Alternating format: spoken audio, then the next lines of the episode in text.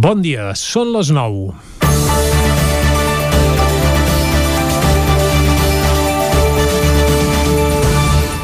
Vox és el gran protagonista mediàtic del cap de setmana. Dissabte van venir a Vic a provocar i tot i sortir-ne escaldats van aconseguir el que volien, que els mitjans espanyols captessin imatges on els agressors, ells, acabessin convertint-se en víctimes.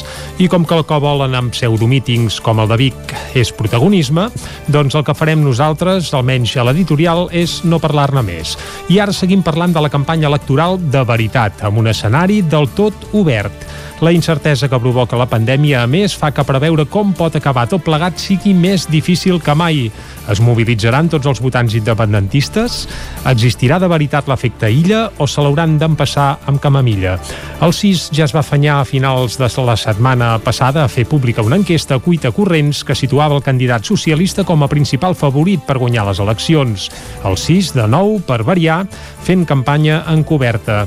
De tota manera, en cas que Illa, que recordem-ho, va ser alcalde de la Roca del Vallès, per tant és, podríem dir, de territori 17, doncs això, en cas que Illa acabés guanyant, què passaria?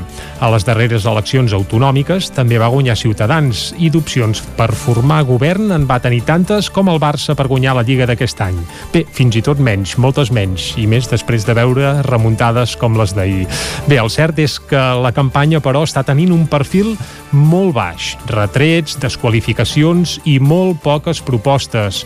Proclames i no programes. I això, a una gran majoria de l'electorat, el que fa és provocar desencís i desànim. Cal anar a votar, sí, però molts ho farem amb poca il·lusió i fins i tot amb una pinça al nas. I no només per evitar el coronavirus, sinó perquè és evident que cap candidat desperta grans passions i tampoc es veu cap projecte de país sòlid i clar a curt i a mig termini. I el resultat, que som incapaços de preveure, és evident que serà ajustat. Vaja, que ningú guanyarà per golejada i caldrà fer pactes. I en aquest sentit, si us plau, polítics i polítiques, espavileu.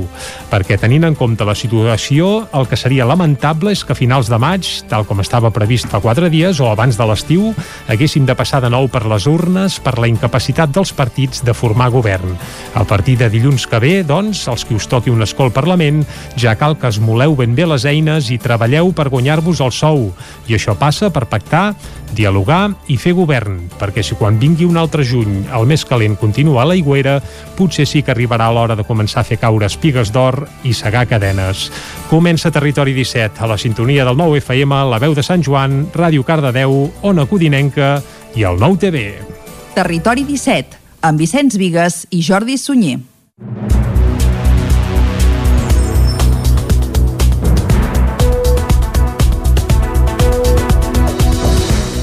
Són les 9 i 3 minuts del dilluns, dia 8 de febrer de 2021. Comença aquí un nou Territori 17, que avui, com cada dilluns, tindrà un marcat caràcter esportiu, ja que després d'acostar-vos tot a l'actualitat durant la primera hora, farem un repàs als resultats del cap de setmana, els equips del nostre territori, i, a més a més, acabarem fent tertúlia esportiva, com sempre fem aquí els dilluns, parlant de la Lliga de Futbol de Primera Divisió. També, com cada dilluns, tindrem els solidaris amb Eloi Puigferrer.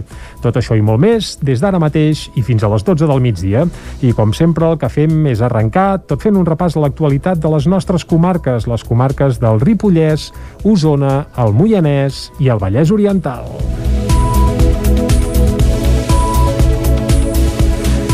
Aquest dilluns entra en vigor el lleuger relaxament de les mesures anticovid aprovat pel Procicat.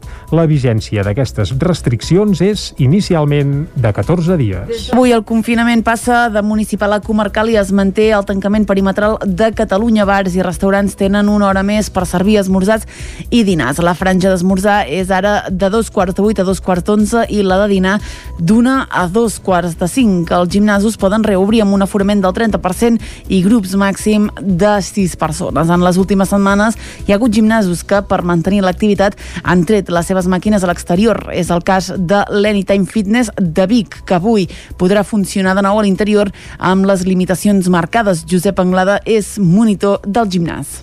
Finalment podem obrir el 30% d'aforament i bueno, esperar que puguem aguantar i no es tornin a tancar més perquè això no pot ser. Al final eh, les empreses no poden continuar així. Una altra novetat en les mesures és que les llibreries podran obrir els caps de setmana perquè passen a ser considerats un espai cultural. El comerç no essencial haurà de continuar tancat els dissabtes i diumenges i es manté el tancament total dels establiments de més de 400 metres quadrats i dels centres comercials.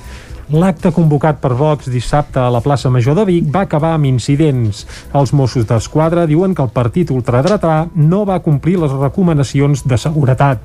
Set agents van resultar ferits i va haver-hi dos detinguts. Centenars de persones es van concentrar a la mateixa plaça en una convocatòria de protesta de col·lectius antifeixistes contra el míting de Vox. Amb un fort cordó policial que els separava, una quinzena de simpatitzants de Vox van començar a escalfar l'ambient intercanviant lemes, retrets i insults amb els manifestants manifestants que portaven pancartes on es podia llegir fora feixistes dels nostres barris, no ens dividiran o demanant l'amnistia.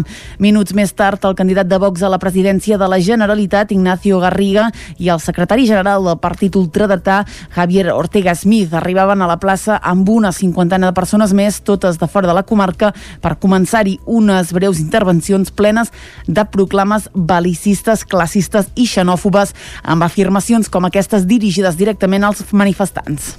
De estos cachorros que nos insultan por amar a Cataluña y por amar a España. Décadas donde la mafia separatista con la connivencia de la izquierda ha fomentado la inmigración ilegal y ha fomentado a los delincuentes. Y ellos son parte de esa delincuencia que financia el separatismo.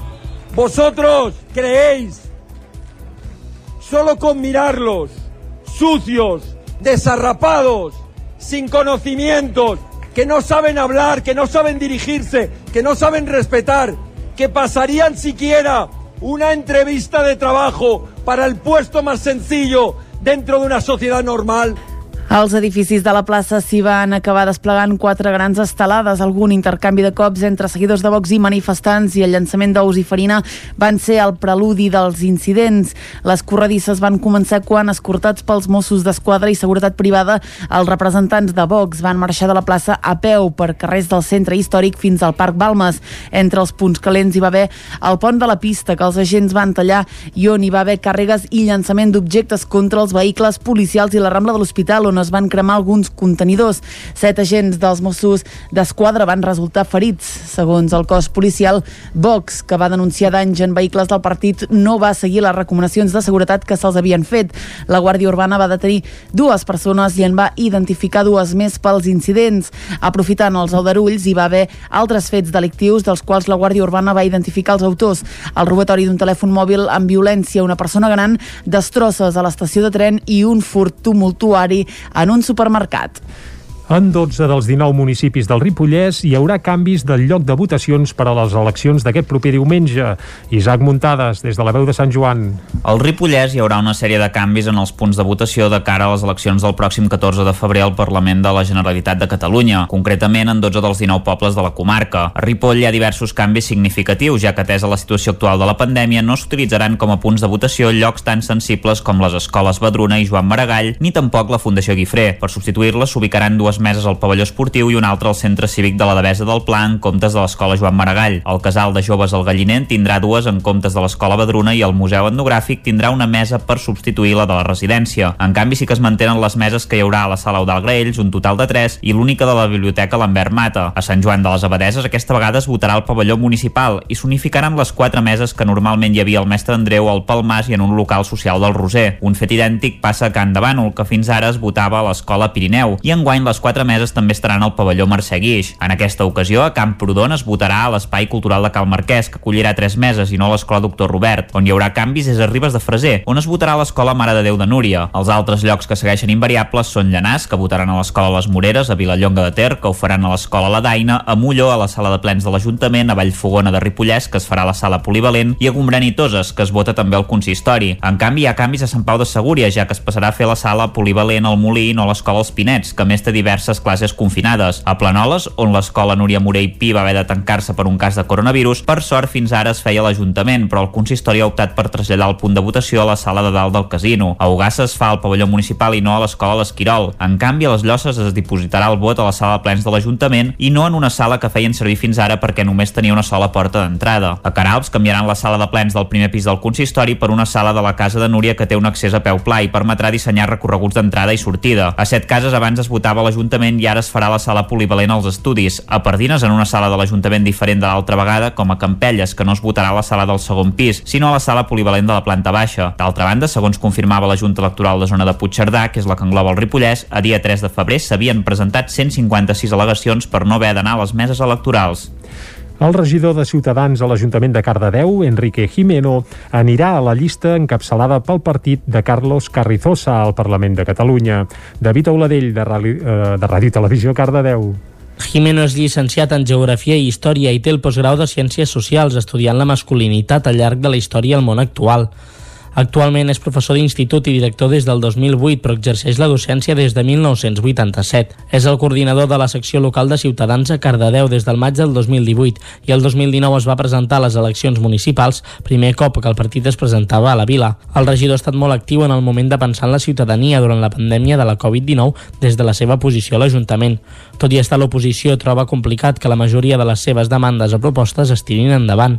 En el seu àmbit de coneixement amb el partit a la secció de Vallès Oriental, treballa per les polítiques socials i posar-se al costat dels més afectats per l'actual crisi econòmica i sanitària, però defensa que cal pensar en tota la ciutadania en aquestes eleccions i no només en un sector de la població. Enrique Jimeno. El primer compromiso, eh, que es el que me movió a dar este paso, es muy claro, que es la defensa de los derechos y de las libertades de toda la población y de forma muy particular pues de aquellos que me han votado y que consideran que la situación que estamos viviendo eh, en Cataluña de instrumentalización de las instituciones políticas por parte del independentismo eh, constante ¿no? y de bueno, desvío de recursos a, a, la defensa de sus particulares intereses, pues que es intolerable. Y eso requiere un compromiso muy firme.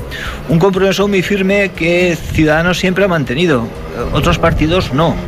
Si els resultats de les últimes eleccions al Parlament es repetissin per la formació taronja, Enrique obtindria un escó al Parlament, ja que es troba en la posició 35 i actualment ocupen 36 escons a la cambra catalana.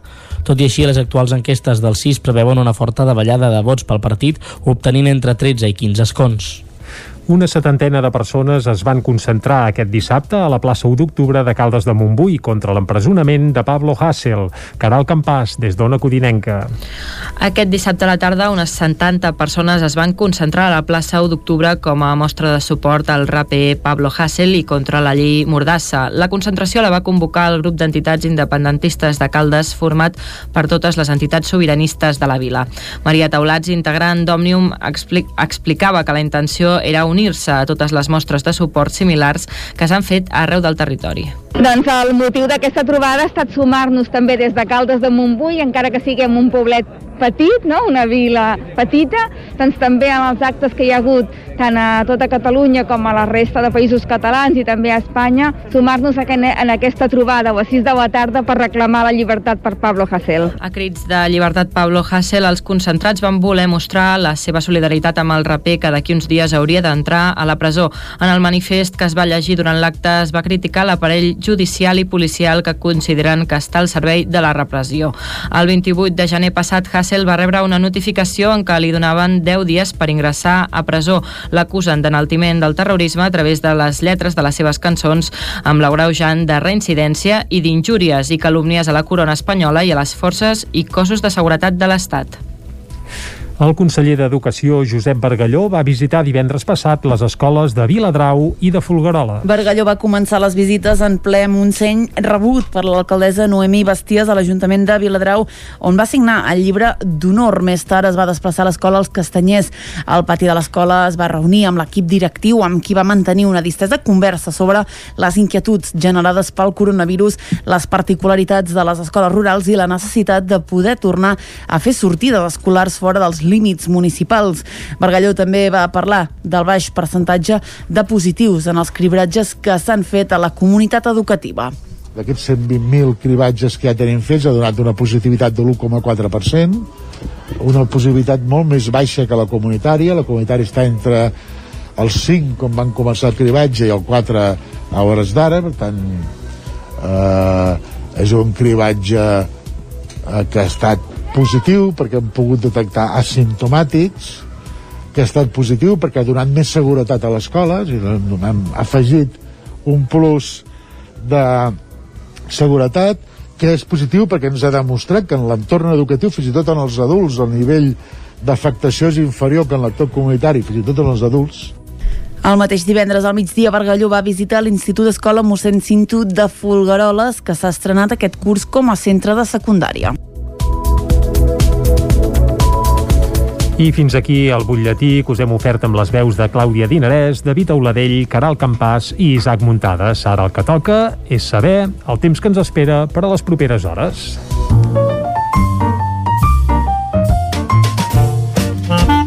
Casa Terradellos us ofereix el temps. I qui ens acosta el temps aquí a Territori 17 és cada dia en Pep Acosta. Pep, molt bon dia. Molt bon dia. I molt Una hora. petita mirada al passat. Va, Una petita mirada al cap de setmana. Uh -huh. Va tenir, jo crec, un element força destacat. Quin? I va ser la posa en suspensió, És veritat. la pluja de fang, podríem dir, uh -huh. que vam tenir el dissabte a la matinada, dissabte matí. Jo poques vegades havia vist tanta pols en suspensió. -huh. després sobre els cotxes, sobre tots els elements va ser una cosa bastant bastant impressionant. A mi, a mi va ser un fenomen meteorològic que ostres, em, va, em va agradar molt em va agradar molt. I, No i és que a més es notava eh? tu, tu, veies a, al cel i es notava tota aquesta pols moltíssima, moltíssima pols. Va ser un fenomen molt, molt per mi molt impressionant. Uh, val a dir uh, que si abans aquest fenomen es donava dos o tres vegades a l'any ara ja es dona quatre o cinc vegades. Es va incrementant. Uh, un altre fenomen destacat. Va ser la pluja portàvem dies sense ploure. Sobretot la nit de dissabte a diumenge uh, va ploure bastant en algunes, en algunes poblacions. Aquest fet va esborrar la pols que va caure que va caure el, di... el divendres a la nit. On més va ploure? Jo pensava que plouria molt cap al Pirineu aquí em vaig equivocar, no va ploure cap al Pirineu, on va ploure més va ser cap al prelitoral i a la zona més sud. Per exemple, 30 litres a Roca del Vallès, 25 a Vilanova del Vallès, en aquesta zona és on més va ploure, eh? més cap al nord, molt poc, va nevar poc, eh, lo just per, per poder nevar sobre el pols i que no es veiés les pistes d'aquí, les pistes d'esquí com les vam veure, eh, que semblava un desert, Mm, va nevar poc, també va ploure poc cap a l'interior, entre 1 i 5 litres, a Osona, Mollanès, mm, poca cosa, poca cosa. I per fi, una refrescada de les temperatures. Ahir les màximes van passar de 11-12 graus. Uh, I aquesta nit per fi ha glaçat, hem tornat a tenir glaçades.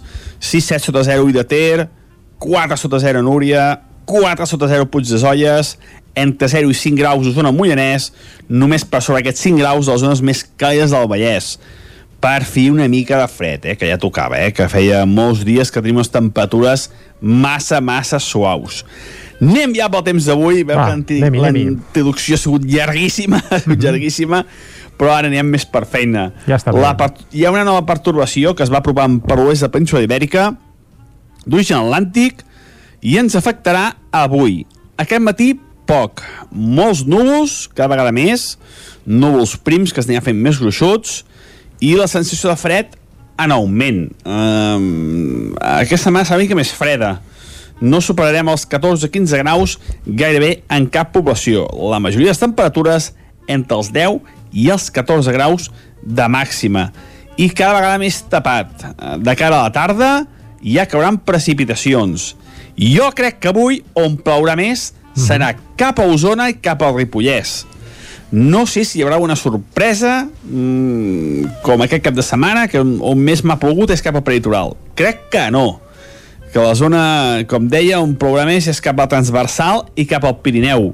Nevada de 5 a 10 centímetres a uns 1.300-1.400 metres. La cota neu mm, ni alta ni baixa, bastant, bastant normal, bastant normal per l'època de l'any. Com deia, entre 5 i 10 centímetres. I les precipitacions poden superar els 10-20 litres, sobretot aquest lloc, eh? el transversal i també cap al Pirineu. Osona, Moianès i Vallès, jo crec que plourà entre 1 i 5 litres. Poca, poca cosa. Uh, les temperatures, com deia, baixes, no superarem els 10 o 14, no superarem els 14-15 graus, les zones més, més càlides de les nostres comarques, mm -hmm. per sota els 10 graus, sobretot cap al Pirineu i cap a Osona. I això és tot. A disfrutar del dia d'avui, una nova pertorbació, més pluja i més fresca. Moltes gràcies, fins demà. Vinga, Adéu. Moltes gràcies a tu, Pep, salut, i estarem al cas d'aquestes pluges que es poden acostar a partir, de, a partir del migdia. De moment, com que encara no plou, podrem anar tranquil·lament cap al quiosc sense por que se'ns mullin els papers. Anem-hi, va. Casa Tarradellas us ha ofert aquest espai. Territori 17. Envia'ns les teves notes de veu per WhatsApp al 646 079 023. 646 079 023. WhatsApp Territori 17.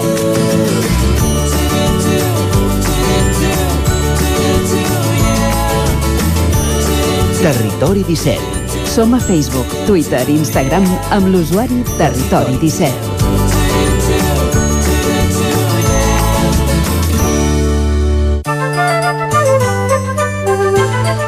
Doncs vinga, anem cap al quiosc i anem a veure què diuen les portades de la premsa d'avui. Clàudia, bon dia de nou. Bon dia de nou. Comencem pel 9-9. Exacte, comencem pel nou d'Osona i el Ripollès que diu els Mossos diuen que Vox va incomplir les recomanacions de seguretat al míting de Vic. Hi va haver incidents, contenidors volcats, destrosses a l'estació de tren, dos detinguts i set policies ferits. També eh, obre amb una anàlisi de l'evolució de la participació electoral a Osona i al Ripollès i diu el de Laura Borràs de Junts per Catalunya a Vic, principal acte del cap de setmana. Entrevistes també a Marc Parés d'en Comú Podem, a Blanca Navarro de Ciutadans i també a Dolors Costa del PDeCAT.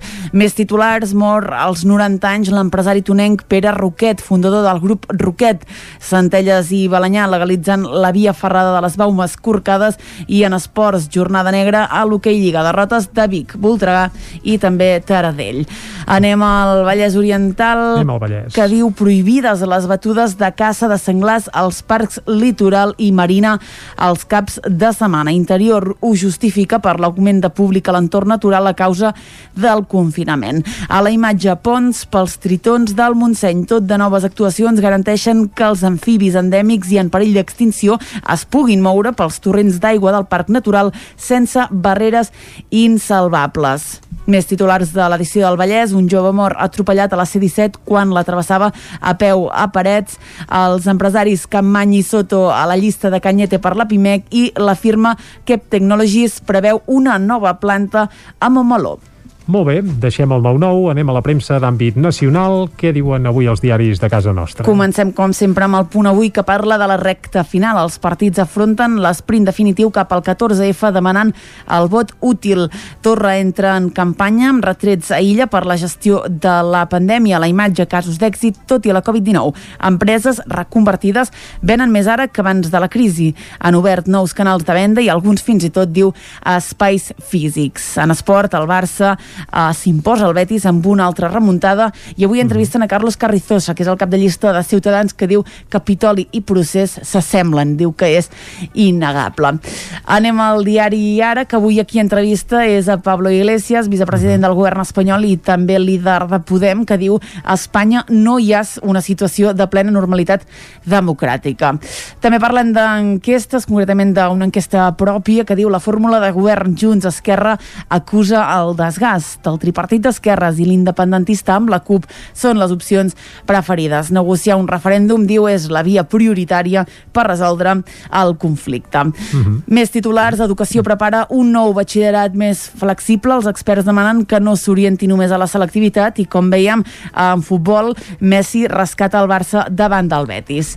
Anem avançant, anem al periòdico que diu la caiguda de la participació a Costa Esquerra i PSC i enfonsa PP i Ciutadans. Tres de cada deu votants no han decidit el seu vot i la seva participació eh, i la participació, perdoneu, es pot quedar en el 56%. A la imatge hi veiem la Boqueria, diu tornada als orígens. La Boqueria encaixa el cop econòmic que li ha suposat la caiguda d'ingressos dels turistes i mira cap al client local. I una dada que dona avui el periòdico que és que una infermera pot vacunar alerta 200 persones en un matí, això sí, si té les dosis Clar, eh, per fer-ho, per fer-ho, exactament.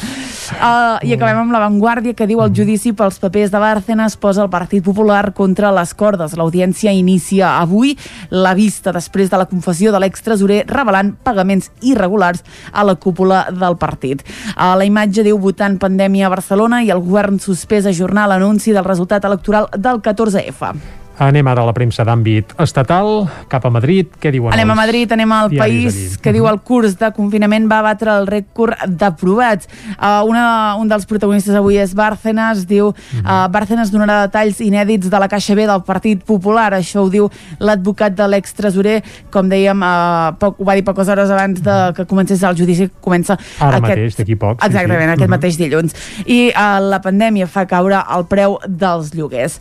Anem al Mundo, que diu els votants d'Esquerra preferen, prefereixen a Puigdemont abans que Salvador Illa.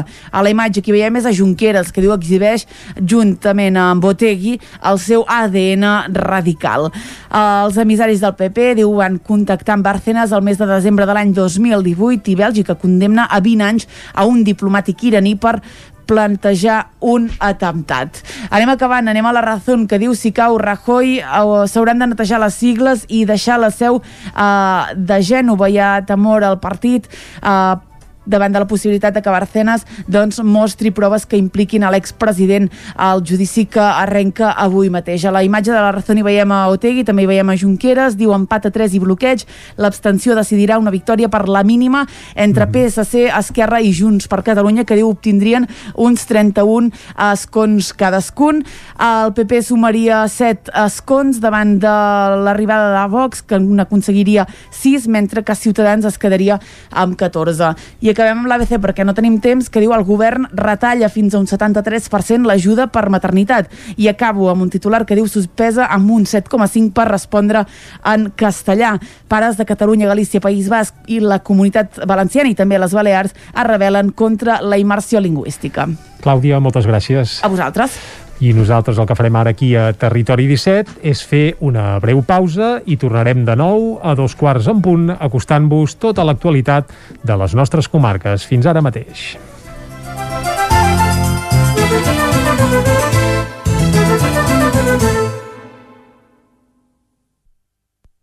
La ràdio de casa al 92.8. SACOM Serveis Geriàtrics, servei d'ajuda a domicili per a gent gran, persones discapacitades i nens. Cuidadors qualificats i amb totes les garanties. SACOM Serveis Geriàtrics. Ens trobareu a la Ronda Francesc Camprodon 15 de Vic. Telèfon 608 799 014 i també a sacomsl.com. Cocodril Club. Si t'agrada la bona música dels anys 60, 70 i 80, escolta el 9 FM als matins de dissabtes i diumenges d'11 a 1. És el temps del Cocodril Club, tot un clàssic de la ràdio, amb les bases del pop-rock, les llegendes, les cançons que s'han convertit en autèntics himnes. Recorda, dissabtes i diumenges al matí, d'11 a 1, al 9 FM 92.8. Cocodril Club, el programa revival de l'Albert Malla. Hasta luego, cocodrilo. Cobertes serveis funeraris. Els nostres tanatoris estan ubicats en els nuclis urbans més poblats de la comarca d'Osona per oferir un millor servei. Tanatori de Vic, Tanatori de Manlleu, Tanatori de Centelles i Tanatori de Roda de Ter. Sabem que són moments difícils i per això el nostre compromís és atendre-us en tot moment amb un tracte humà, sensible i respectuós. Cobertes serveis funeraris. Telèfon 24 hores 93 883 23 46.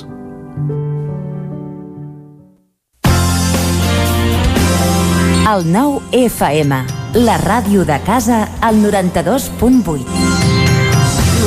Pensant passar aquesta nit sense calefacció amb aquest fred? No es preocupi, hem analitzat a fons la caldera i de seguida quedarà reparada i en funcionament. Quan tingui un problema amb la seva caldera, vagi directament a la solució. Truqui sempre al servei tècnic oficial de Saunier Duval i despreocupis, perquè som fabricants i coneixem les nostres calderes peça a peça. Informis a Oficiat Nord trucant al 938860040. Saunier Duval, sempre al seu costat.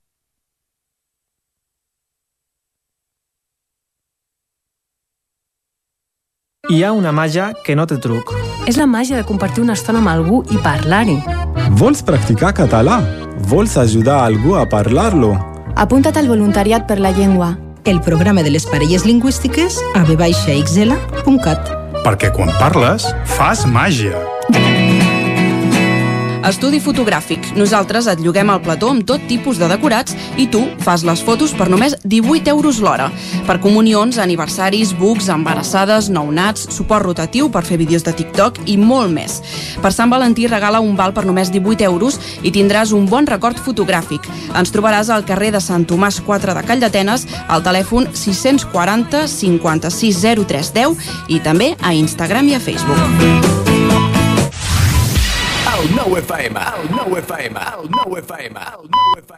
Territori 17, amb Vicenç Vigues i Jordi Sunyer.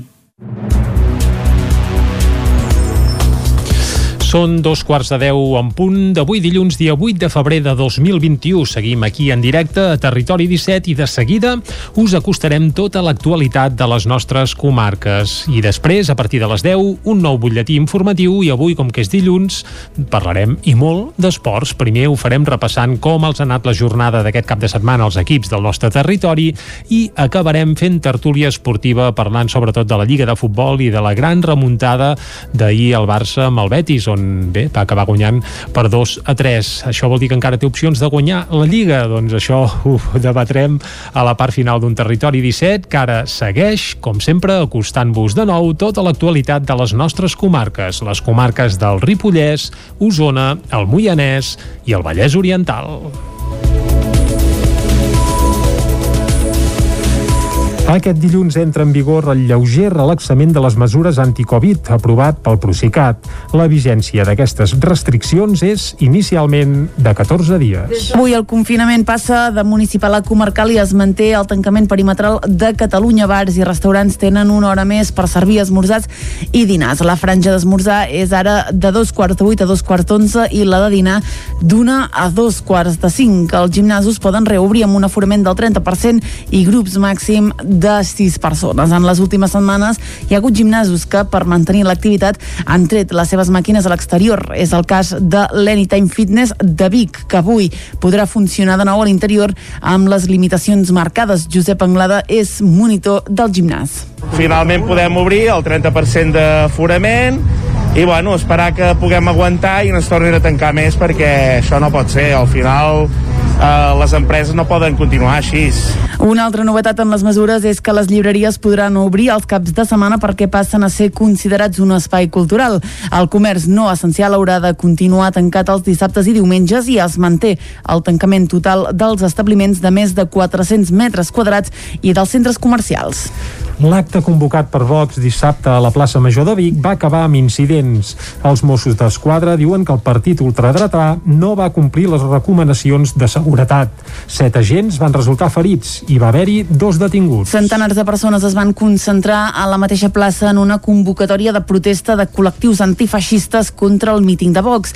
Amb un fort cordó policial que els separava, una quinzena de simpatitzants de Vox van començar a escalfar l'ambient intercantant lemes, retrets i insults amb els manifestants que portaven pancartes on es podia llegir fora feixistes dels nostres barris, no ens dividiran o demanant l'amnistia.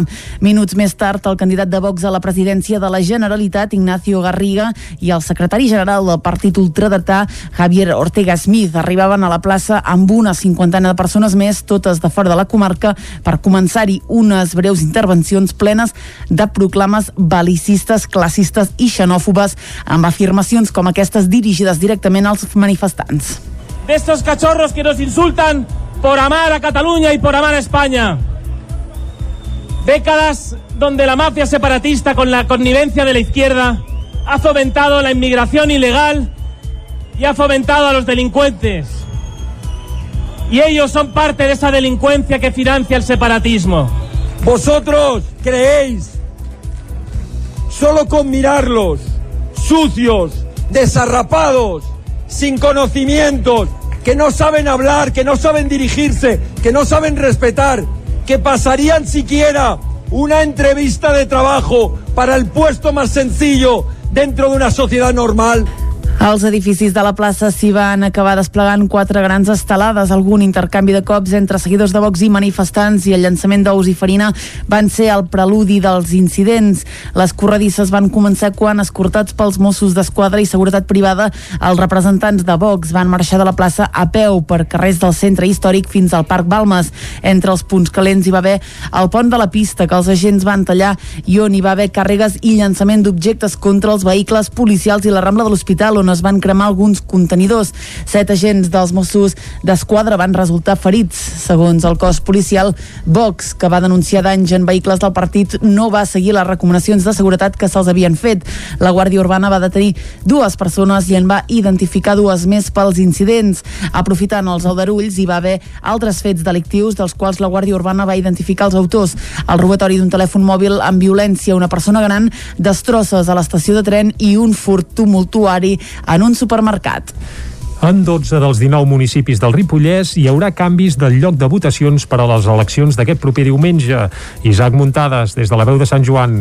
Al Ripollès hi haurà una sèrie de canvis en els punts de votació de cara a les eleccions del pròxim 14 de febrer al Parlament de la Generalitat de Catalunya, concretament en 12 dels 19 pobles de la comarca. A Ripoll hi ha diversos canvis significatius, ja que atesa la situació actual de la pandèmia no s'utilitzaran com a punts de votació llocs tan sensibles com les escoles Badruna i Joan Maragall, ni tampoc la Fundació Guifré. Per substituir-les s'ubicaran dues meses al pavelló esportiu i una altra al centre cívic de la Devesa del Pla en comptes de l'escola Joan Maragall. El casal de joves al Galliner tindrà dues en comptes de l'escola Badruna i el Museu Etnogràfic tindrà una mesa per substituir la de la residència. En canvi sí que es mantenen les meses que hi haurà a la sala Eudal Graells, un total de 3, i l'única de la biblioteca Lambert Mata. A Sant Joan de les Abadeses aquesta vegada es votarà al pavelló municipal i s'unificaran les quatre meses que normalment hi havia al Mestre Andreu al Palmas i en un local social del Roser. Un fet idèntic passa a Can de Bànol, que fins ara es votava a l'escola Pirineu, i enguany les quatre meses també estaran al pavelló Mercè Guix. En aquesta ocasió, a Camprodon es votarà a l'Espai Cultural de Cal Marquès, que acollirà tres meses i no a l'Escola Doctor Robert. On hi haurà canvis és a Ribes de Freser, on es votarà a l'Escola Mare de Déu de Núria. Els altres llocs que segueixen invariables són Llanàs, que votaran a l'Escola Les Moreres, a Vilallonga de Ter, que ho faran a l'Escola La Daina, a Molló, a la Sala de Plens de l'Ajuntament, a Vallfogona de Ripollès, que es farà a la Sala Polivalent, i a Gombrèn i Toses, que es vota també al consistori. En canvi, hi ha canvis a Sant Pau de Segúria, ja que es passarà a fer la Sala Polivalent al Molí no a l'Escola Els Pinets, que més té diverses classes confinades. A Planoles, on l'escola Núria Morell Pi va haver de tancar-se per un cas de coronavirus, per sort fins ara es feia l'Ajuntament, però el consistori ha optat per traslladar el punt de votació a la sala de dalt del casino. A Ugassa es fa al pavelló municipal i no a l'escola l'Esquirol. En canvi, a les Llosses es dipositarà el vot a la sala de plens de l'Ajuntament i no en una sala que feien servir fins ara perquè només tenia una sola porta d'entrada. A Caralps canviaran la sala de plens del primer pis del consistori per una sala de la casa de Núria que té un accés a peu pla i permetrà dissenyar recorreguts d'entrada i sortida. A set cases abans es votava a l'Ajuntament i ara es farà la sala polivalent als estudis. A Pardines, en una sala de l'Ajuntament diferent de l'altra vegada, com a Campelles, que no es votarà a la sala del segon pis, sinó a la sala polivalent de la planta baixa. D'altra banda, segons confirmava la Junta Electoral de Zona de Puigcerdà, que és la que engloba el Ripollès, a dia 3 de febrer s'havien presentat 156 al·legacions per no haver d'anar a les meses electorals. El regidor de Ciutadans a l'Ajuntament de Cardedeu, Enrique Jimeno, anirà a la llista encapçalada pel partit de Carlos Carrizosa al Parlament de Catalunya. David Auladell, de, Rali, eh, de Ràdio Televisió Cardedeu. Jimeno és llicenciat en Geografia i Història i té el postgrau de Ciències Socials, estudiant la masculinitat al llarg de la història al món actual. Actualment és professor d'institut i director des del 2008, però exerceix la docència des de 1987. És el coordinador de la secció local de Ciutadans a Cardedeu des del maig del 2018 i el 2019 es va presentar a les eleccions municipals, primer cop que el partit es presentava a la vila. El regidor ha estat molt actiu en el moment de pensar en la ciutadania durant la pandèmia de la Covid-19 des de la seva posició a l'Ajuntament. Tot i estar a l'oposició, troba complicat que la majoria de les seves demandes o propostes es tirin endavant. En el seu àmbit de coneixement amb el partit a la secció de Vallès Oriental, Oriental treballa per les polítiques socials i posar-se al costat dels més afectats per l'actual crisi econòmica i sanitària, però defensa que cal pensar en tota la ciutadania en aquestes eleccions i no només en un sector de la població. Enrique Jimeno. El primer compromiso, eh, que es el que me movió a dar este paso, es muy claro, que es la defensa de los derechos y de las libertades de toda la población y de forma muy particular pues de aquellos que me han votado y que consideran que la situación que estamos viviendo eh, en Cataluña de instrumentalización de las instituciones políticas por parte del independentismo eh, constante ¿no? y de bueno, desvío de recursos a, a, la defensa de sus particulares intereses, pues que es intolerable. Y eso requiere un compromiso muy firme. Un compromiso muy firme que Ciudadanos siempre ha mantenido, otros partidos no. Si els resultats de les últimes eleccions al Parlament es repetissin per la formació taronja, Enrique obtindria un escó al Parlament, ja que es troba en la posició 35 i actualment ocupen 36 escons a la cambra catalana. Tot i així, les actuals enquestes del CIS preveuen una forta davallada de vots pel partit, obtenint entre 13 i 15 escons. Una setantena de persones es van concentrar aquest dissabte a la plaça 1 d'octubre de Caldes de Montbui contra l'empresonament de Pablo Hassel. Caral Campàs, des d'Ona Codinenca. Aquest dissabte a la tarda, unes 70 persones es van concentrar a la plaça 1 d'octubre com a mostra de suport al raper Pablo Hassel i contra la llei Mordassa. La concentració la va convocar el grup d'entitats independentistes de Caldes format per totes les entitats sobiranistes de la vila. Maria Taulats, integrant d'Òmnium, explic explicava que la intenció era unir-se a totes les mostres de suport similars que s'han fet arreu del territori. Doncs el motiu d'aquesta trobada ha estat sumar-nos també des de Caldes de Montbui, encara que siguem un poblet petit, no? una vila petita, doncs també amb els actes que hi ha hagut tant a tota Catalunya com a la resta de països catalans i també a Espanya, sumar-nos en aquesta trobada o a 6 de la tarda per reclamar la llibertat per Pablo Hasél. A crits de llibertat Pablo Hasél, els concentrats van voler mostrar la seva solidaritat amb el raper que d'aquí uns dies hauria d'entrar a la presó. En el manifest que es va llegir durant l'acte es va criticar l'aparell judicial i policial que consideren que està al servei de la repressió. El 28 de gener passat, Hassel va rebre una notificació en què li donaven 10 dies per ingressar a presó. L'acusen d'enaltiment del terrorisme a través de les lletres de les seves cançons amb l'agreujant de reincidència i d'injúries i calúmnies a la corona espanyola i a les forces i cossos de seguretat de l'Estat. El conseller d'Educació, Josep Bargalló, va visitar divendres passat les escoles de Viladrau i de Folguerola. Bargalló va començar les visites en ple Montseny, rebut per l'alcaldessa Noemí Basties a l'Ajuntament de Viladrau, on va signar el llibre d'honor. Més tard es va desplaçar a l'escola als Castanyers.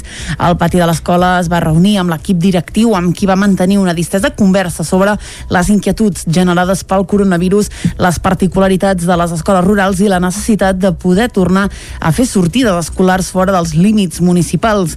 Bargalló també va parlar del baix percentatge de positius en els cribratges que s'han fet a la comunitat educativa.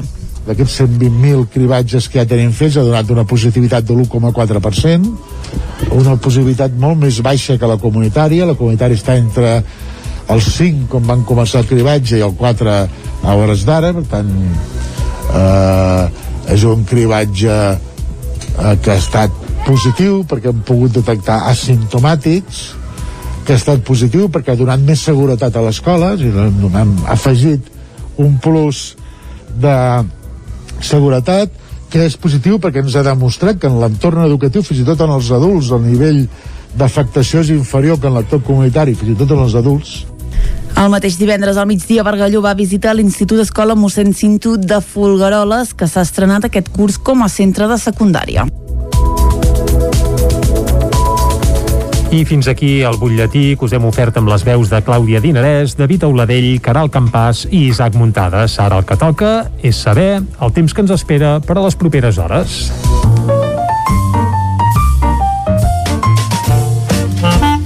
Casa Terradellos us ofereix el temps. I qui ens acosta el temps aquí a Territori 17 és cada dia en Pep Acosta. Pep, molt bon dia. Molt bon dia. I molt Una hora. petita mirada al passat. Va, Una petita mirada al cap de setmana. Uh -huh.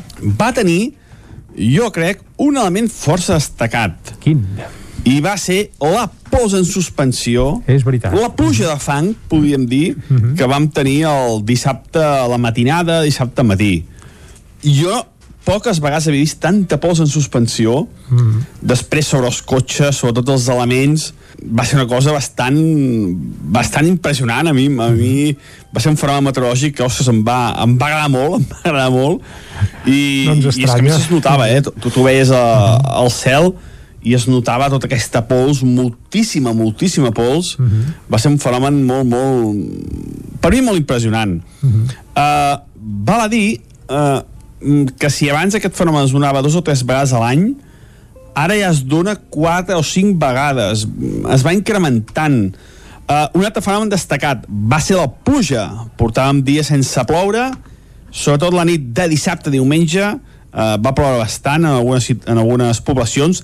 Aquest fet va esborrar la pols que va caure, que va caure el, di... el divendres a la nit, on més va ploure. Jo pensava que plouria molt cap al Pirineu, aquí em vaig equivocar, no va ploure cap al Pirineu, on va ploure més va ser cap al prelitoral i a la zona més sud. Per exemple, 30 litres a Roca del Vallès, 25 a Vilanova del Vallès, en aquesta zona és on més va ploure, eh? més cap al nord, molt poc, va nevar poc, eh, lo just per, per poder nevar sobre el pols i que no es veiés les pistes d'aquí, les pistes d'esquí com es van veure, eh, que semblava un desert, mm, va nevar poc, també va ploure poc cap a l'interior, entre 1 i 5 litres, a Osona, Mollanès, mm, poca cosa, poca cosa. I per fi, una refrescada de les temperatures. Ahir les màximes van passar de 11-12 graus. Uh, I aquesta nit per fi ha glaçat, hem tornat a dir glaçades. 6-7 sota 0 i de Ter, 4 sota 0 a Núria, 4 sota 0 Puig de Zolles, entre 0 i 5 graus a zona Mollanès, només per sobre aquests 5 graus de les zones més càlides del Vallès per fi una mica de fred, eh, que ja tocava, eh, que feia molts dies que tenim unes temperatures massa, massa suaus. Anem ja pel temps d'avui, veu Va, que l'introducció ha sigut llarguíssima, ha sigut llarguíssima, però ara anirem més per feina. Ja està. La per- hi ha una nova pertorbació que es va apropar per l'oest de la península ibèrica, d'origen atlàntic, i ens afectarà avui. Aquest matí, poc. Molts núvols, cada vegada més, núvols prims que es aniran fent més gruixuts, i la sensació de fred en augment. Um, aquesta setmana serà mica més freda. No superarem els 14-15 graus gairebé en cap població. La majoria de les temperatures entre els 10 i els 14 graus de màxima. I cada vegada més tapat. De cara a la tarda ja cauran precipitacions. Jo crec que avui on plourà més serà cap a Osona i cap al Ripollès. No sé si hi haurà una sorpresa mmm, com aquest cap de setmana, que on, on més m'ha plogut és cap al peritoral. Crec que no. Que la zona, com deia, on plourà més és cap al transversal i cap al Pirineu. Nevada de 5 a 10 centímetres a uns 1.300-1.400 metres. La cota neu mm, ni alta ni baixa, bastant, bastant normal, bastant normal per l'època de l'any. Com deia, entre 5 i 10 centímetres. I les precipitacions poden superar els 10-20 litres, sobretot aquest lloc, eh, al transversal i també cap al Pirineu. Osona, Moianès i Vallès, jo crec que plourà entre 1 i 5 litres. Poca, poca cosa. Uh, les temperatures, com deia, baixes, no superarem els 10 o 14, no superarem els 14-15 graus, les zones més, més càlides de les nostres comarques, uh -huh. per sota els 10 graus, sobretot cap al Pirineu i cap a Osona. I això és tot. A disfrutar del dia d'avui, una nova pertorbació, més pluja i més fresca. Moltes gràcies, fins demà. Vinga, Adéu. Moltes gràcies a tu, Pep, salut, i estarem al cas d'aquestes pluges que es poden acostar a partir, de, a partir del migdia. De moment, com que encara no plou, podrem anar tranquil·lament cap al quiosc sense por que se'ns mullin els papers. Anem-hi, va. Casa Tarradellas us ha ofert aquest espai. Territori 17. Envia'ns les teves notes de veu per WhatsApp al 646 079 023. 646 079 023. WhatsApp Territori 17.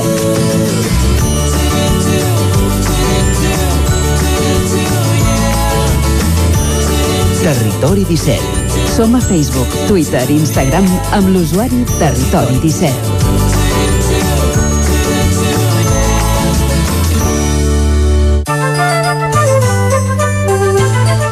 Doncs vinga, anem cap al quiosc i anem a veure què diuen les portades de la premsa d'avui. Clàudia, bon dia de nou. Bon dia de nou. Comencem pel 9-9. Exacte, comencem pel nou d'Osona i el Ripollès que diu els Mossos diuen que Vox va incomplir les recomanacions de seguretat al míting de Vic.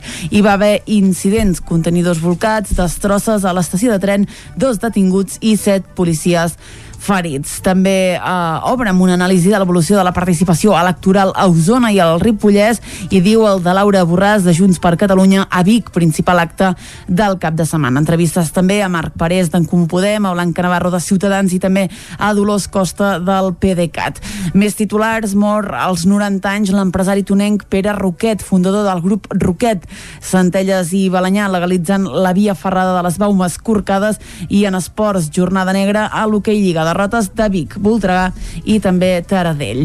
Anem al Vallès Oriental, Anem al Vallès. que diu prohibides les batudes de caça de senglars als parcs litoral i marina als caps de setmana. Interior ho justifica per l'augment de públic a l'entorn natural a causa del confinament. A la imatge, ponts pels tritons del Montseny. Tot de noves actuacions garanteixen que els amfibis endèmics i en perill d'extinció es puguin moure pels torrents d'aigua del Parc Natural sense barreres insalvables. Més titulars de l'edició del Vallès, un jove mort atropellat a la C-17 quan la travessava a peu a Parets, els empresaris Campmany i Soto a la llista de Canyete per la PIMEC i la firma Kep Technologies preveu una nova planta a Montmeló. Molt bé, deixem el 9-9, anem a la premsa d'àmbit nacional. Què diuen avui els diaris de casa nostra? Comencem, com sempre, amb el punt avui que parla de la recta final. Els partits afronten l'esprint definitiu cap al 14F demanant el vot útil. Torra entra en campanya amb retrets a Illa per la gestió de la pandèmia, la imatge, casos d'èxit, tot i la Covid-19. Empreses reconvertides venen més ara que abans de la crisi. Han obert nous canals de venda i alguns fins i tot, diu, espais físics. En esport, el Barça uh, s'imposa el Betis amb una altra remuntada i avui entrevisten a Carlos Carrizosa, que és el cap de llista de Ciutadans, que diu Capitoli i procés s'assemblen, diu que és innegable. Anem al diari Ara, que avui aquí entrevista és a Pablo Iglesias, vicepresident del govern espanyol i també líder de Podem, que diu a Espanya no hi ha una situació de plena normalitat democràtica. També parlen d'enquestes, concretament d'una enquesta pròpia que diu la fórmula de govern Junts-Esquerra acusa el desgast. El tripartit d'esquerres i l'independentista amb la CUP són les opcions preferides. Negociar un referèndum, diu, és la via prioritària per resoldre el conflicte. Mhm. Més titulars, Educació prepara un nou batxillerat més flexible. Els experts demanen que no s'orienti només a la selectivitat i, com veiem, en futbol, Messi rescata el Barça davant del Betis. Anem avançant, anem al periòdico que diu la caiguda de la participació a Costa Esquerra i PSC i enfonsa PP i Ciutadans.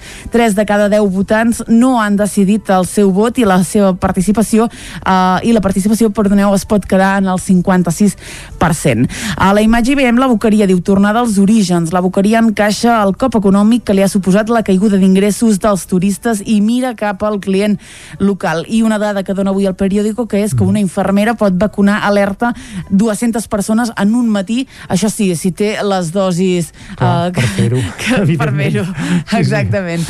Uh, I acabem amb l'avantguàrdia que diu el judici pels papers de Bárcenas posa el Partit Popular contra les cordes. L'audiència inicia avui la vista després de la confessió de l'extresorer revelant pagaments irregulars a la cúpula del partit. A la imatge diu votant pandèmia a Barcelona i el govern suspès ajornar l'anunci del resultat electoral del 14F. Anem ara a la premsa d'àmbit estatal, cap a Madrid. Què diuen Anem a Madrid, anem al país que diu el curs de confinament va batre el rècord d'aprovats. Uh, una, un dels protagonistes avui és Bárcenas, diu uh, Bárcenas donarà detalls inèdits de la Caixa B del Partit Popular, això ho diu l'advocat de l'extresorer, com dèiem, uh, poc, ho va dir poques hores abans de que comencés el judici, que comença Ara mateix, d'aquí poc. sí, Exactament, sí. aquest mateix dilluns. I uh, la pandèmia fa caure el preu dels lloguers. Anem al Mundo, que diu els votants d'Esquerra prefereixen a Puigdemont abans que Salvador Illa. A la imatge que veiem és a Junqueras, que diu exhibeix juntament amb Botegui el seu ADN radical.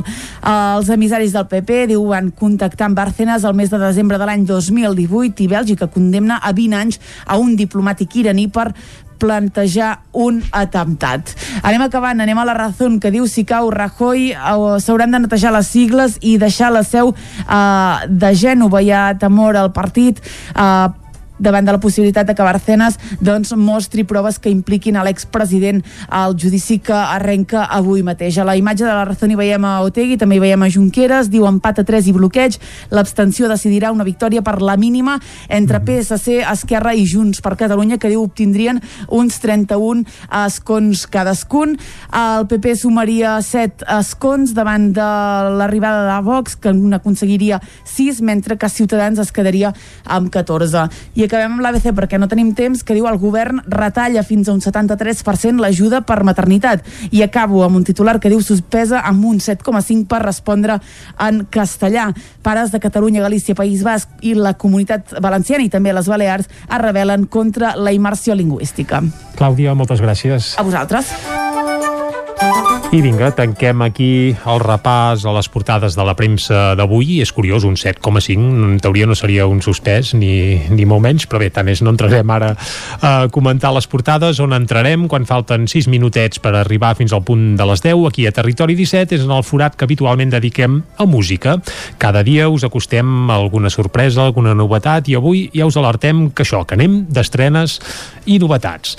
Per què? Què escoltarem? Doncs escoltarem el més nou del Marcel Lázara i la Júlia Arrey. Qui són aquesta parella ara fincada a Manlleu? Doncs el Marcel Lázara és aquell ex xarango que va deixar la banda ja fa uns quants anys uh, i la Júlia Arrey és la seva companya junts ja fa uns quants anys que se'n van anar a fer un vol, bé no un vol, sinó que hi van pràcticament viure força, força temps doncs, cap al Brasil i quan van tornar doncs van decidir que d'allò en farien un disc i d'allò també va néixer una gira així de petit format que va acabar precisament amb uns concerts fets a casa seva, és a dir, la gent podia apuntar-se, anava a casa seu i els hi feien un concert allò en petit format.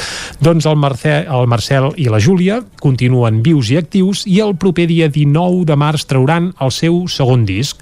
El disc es, titul, eh, es titularà En òrbita eh, i ara diguem que el Marcel Lázara i la Júlia Arrey s'han rebatejat i el projecte ara es diu eh, Marcel i Júlia, així a seques, i a més ha crescut perquè part del Marcel i la Júlia en directe ara aniran amb una banda amb cinc músics més, alguns d'ells, per cert, eh, músics de xarango, com que ara no tenen feina, doncs s'apuntaran a la banda del Marcel. També hi ha algun, eh, bé, algun músic de Gertrudis, de la Garriga, per tant, diguem que tot queda a casa, perquè la base la tenen a Manlleu igualment, i això, a partir del 19 de març, nou disc que es titula En òrbita. I avui el que farem aquí a Territori 17 és estrenar una de les peces d'aquest nou disc. Concretament avançarem millor amb tu, un cant eh, ecologista, tot el disc té un to així, eh, molt, molt ecologista i molt de... bé, tal com estem actualment, doncs eh, està bé que algú posi el dit a la llaga, tot el que és l'emergència climàtica, etc etc.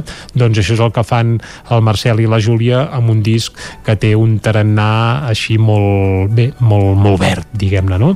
I el que farem ara fins a arribar al punt de les 10 a Territori 17 és escoltar aquest millor amb tu, recordant que el dia 19 de març arribarà el nou disc del Marcel i la Júlia, un disc que es titularà En òrbita i que té peces fantàstiques com aquest, Millor amb tu.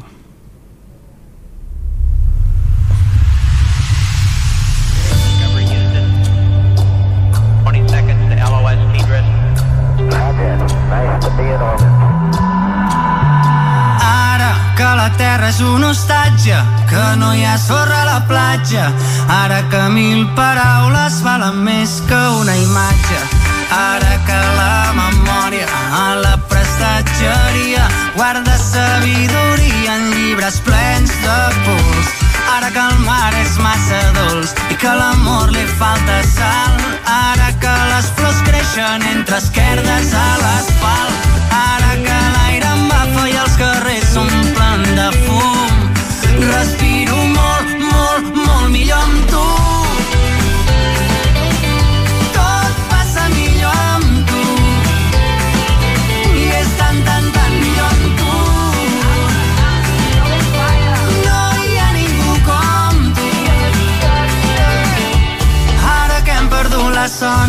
Ara que fallen les alarmes, ara que els hiverns no hi són, ara que s'obren armes faltaran ocells al món.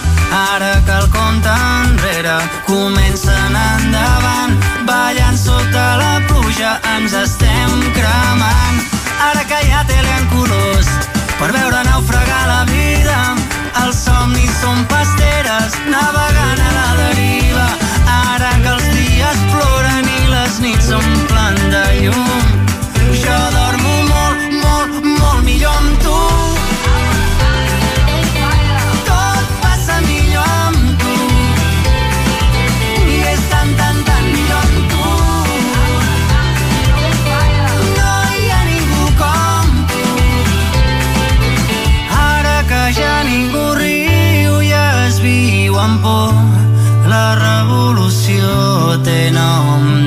dona. Ara que tot ressona, ara que falten peces, ara que res s'encaixa. Un puzzle amb presses. Ara que baixa el riu tan fort de les glaceres que s'han mort, ara que les fronteres tanquen el seu port, ara que el mar s'escalfa, ara que es desfaran els pols,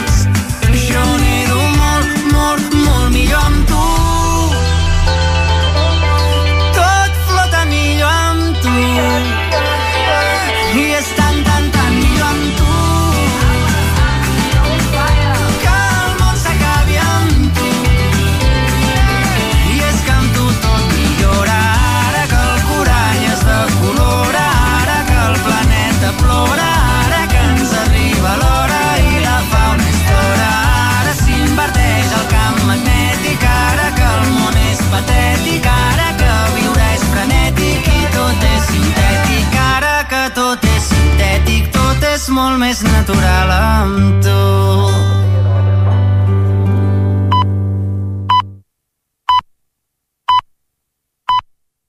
I a les 10 en punt torna la informació de les nostres comarques, les comarques del Ripollès, Osona, el Moianès i el Vallès Oriental. L'acte convocat per Vox dissabte a la plaça Major de Vic va acabar amb incidents. Els Mossos diuen que el partit ultradretà no va complir amb les recomanacions de seguretat. Set agents van resultar ferits i va haver-hi dos detinguts. Centenars de persones es van concentrar a la mateixa plaça en una convocatòria de protesta de col·lectius antifeixistes contra el míting de Vox. Amb un fort cordó policial que els separava, una quinzena de simpatitzants de Vox van començar a escalfar l'ambient intercanviant lemes, retrets i insults amb els manifestants que portaven pancartes on es podia llegir fora feixistes dels nostres barris no ens dividiran o demanant l'amnistia. Minuts més tard, el candidat de Vox a la presidència de la Generalitat, Ignacio Garriga, i el secretari general del partit ultradretà, Javier Ortega Smith, arribaven a la plaça amb una cinquantena de persones més, totes de fora de la comarca, per començar-hi unes breus intervencions plenes de proclames bal·licistes, classistes i xenòfobes, amb afirmacions com aquestes dirigides directament als manifestants. de estos cachorros que nos insultan por amar a Cataluña y por amar a España. Décadas donde la mafia separatista con la connivencia de la izquierda ha fomentado la inmigración ilegal y ha fomentado a los delincuentes. Y ellos son parte de esa delincuencia que financia el separatismo. Vosotros creéis solo con mirarlos, sucios, desarrapados, sin conocimientos, que no saben hablar, que no saben dirigirse, que no saben respetar, que pasarían siquiera una entrevista de trabajo para el puesto más sencillo dentro de una sociedad normal. Als edificis de la plaça s'hi van acabar desplegant quatre grans estelades. Algun intercanvi de cops entre seguidors de Vox i manifestants i el llançament d'ous i farina van ser el preludi dels incidents. Les corredisses van començar quan, escortats pels Mossos d'Esquadra i Seguretat Privada, els representants de Vox van marxar de la plaça a peu per als carrers del centre històric fins al Parc Balmes. Entre els punts calents hi va haver el pont de la pista que els agents van tallar i on va haver càrregues i llançament d'objectes contra els vehicles policials i la Rambla de l'Hospital, on es van cremar alguns contenidors. Set agents dels Mossos d'Esquadra van resultar ferits. Segons el cos policial Vox, que va denunciar danys en vehicles del partit, no va seguir les recomanacions de seguretat que se'ls havien fet. La Guàrdia Urbana va detenir dues persones i va identificar a dues més pels incidents. Aprofitant els aldarulls, hi va haver altres fets delictius dels quals la Guàrdia Urbana va identificar els autors. El robatori d'un telèfon mòbil amb violència a una persona gran, destrosses a l'estació de tren i un furt tumultuari en un supermercat. Joan Carles Gallego, número 2 a la llista de Catalunya en Comú Podem per a les eleccions del 14 de febrer, i el candidat usonenc, Marc Parés, que ocupa el número 7, van donar suport als treballadors de Girbau, a Vic. Gallego i Parés es van reunir divendres amb el comitè d'empresa de la companyia usonenca. En la trobada van recollir les inquietuds davant l'ERO que ha presentat l'empresa i que implicaria l'acomiadament de 76 treballadors, 73 dels quals de la planta de Vic. Gallego i Parés es van fer les seves, seves les tesis del comitè d'empresa que el considera il·legal. L'empresa no pot eh, oblidar que s'ha beneficiat d'unes polítiques públiques que són els ERTOs, que ha estat bonificada i ara, eh, simplement per una estratègia curtterminista de l'empresa, voler acomiadar i a més fer-ho sense cap tipus de negociació amb els representants legals dels treballadors. Això també és il·legal, o sigui, ha de negociar necessàriament amb els treballadors i en aquesta negociació amb els treballadors has de buscar alternatives a l'acomiadament, alternatives no traumàtiques a la pèrdua d'ocupació per a aquestes persones. Ja entenem que la situació era complicada, però els propers anys doncs, eh, la situació actual entenem que és conjuntural i per tant d'una problemàtica conjuntural la resposta ha de ser conjuntural i no pot ser una resposta estructural. El mateix divendres els treballadors de Girbau van fer el segon acte de protesta després que transcendís l'ERO una marxa lenta de cotxes que va sortir de les mateixes instal·lacions de l'empresa uns gossos ataquen i maten més de 200 xais a Tavernoles. Va passar la nit de divendres a dissabte al Mas Serrabou. Els propietaris van trobar els animals dissabte al matí quan hi van arribar, tal com explicava Francesc Dax. Jo crec que era bastant més al vespre nit que no pas nit matinada perquè els xais eren ja bastant eh, freds i no, no era recent, era de, de la nit, del vespre nit. Els Mossos d'Esquadra i els agents rurals estan investigant els fets que consideren que haurien provocat més de dos gossos. Alguns xais van quedar malferits i els van haver d'acabar sacrificant. En total han mort 221 animals. Francesc Dax considera que cal trobar els propietaris dels gossos. Lamenta les pèrdues econòmiques que situa entre els 15.000 i els 17.000 euros, però sobretot la dedicació i la feina que no tindran cap resultat. La feina aquí a fer néixer xais, a fer-los a viure, a, quan tenen fred donar-los ajudes amb calostre, ficar-los llums, eh, de matí, vespre, diumenge al matí, diumenge a la nit, dissabte... Eh, més que tot és això, no? que tota la feina de, de cada dia sense tenir un minut de, de, de, de festa ni res i amb aquella il·lusió i bueno, la, la gent de pagès ho fem així Pagesos veïns i l'alcalde de Taverno, les Carles Benús, han fet una crida a través de les xarxes socials per aconseguir informació sobre els gossos que haurien matat els xais. Fa pocs dies un propietari de Centelles també va denunciar que uns gossos li havien mort al bestiar.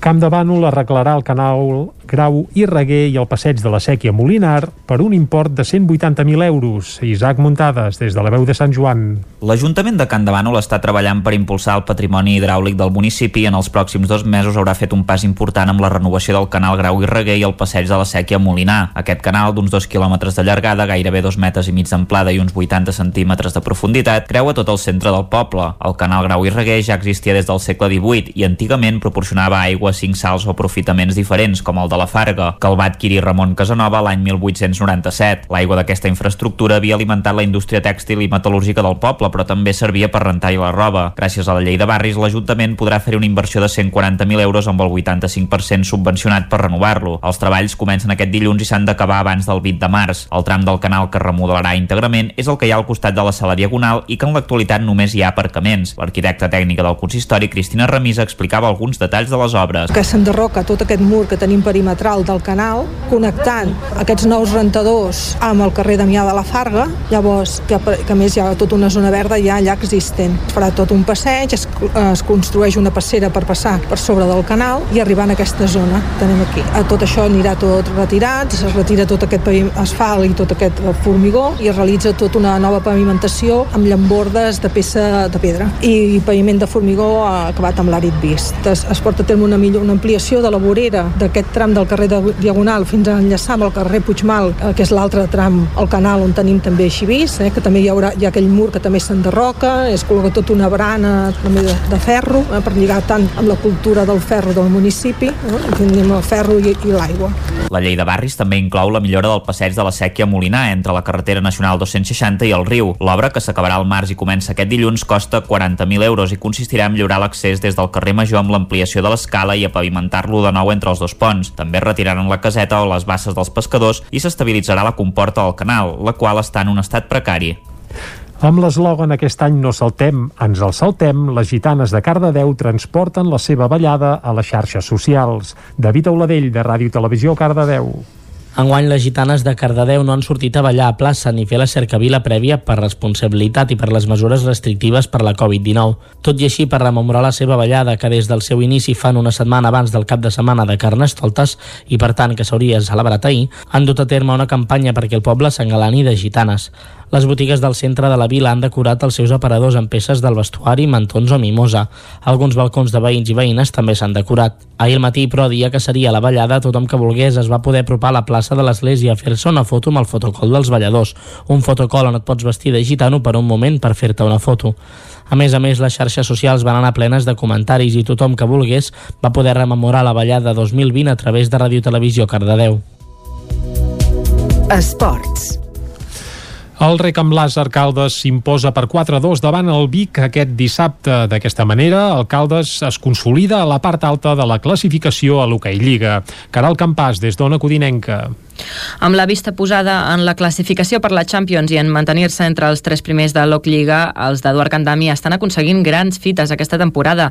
Dissabte el Vic va encetar el marcador al minut 2 amb una molt bona posada en escena. Tot i això, el rec amb làser no es va descompondre i ràpidament va aconseguir el gol de l'empat. Aquest moviment va deixar tocat el Vic i els calderins ho van aprofitar per persistir en la recerca del 2-1.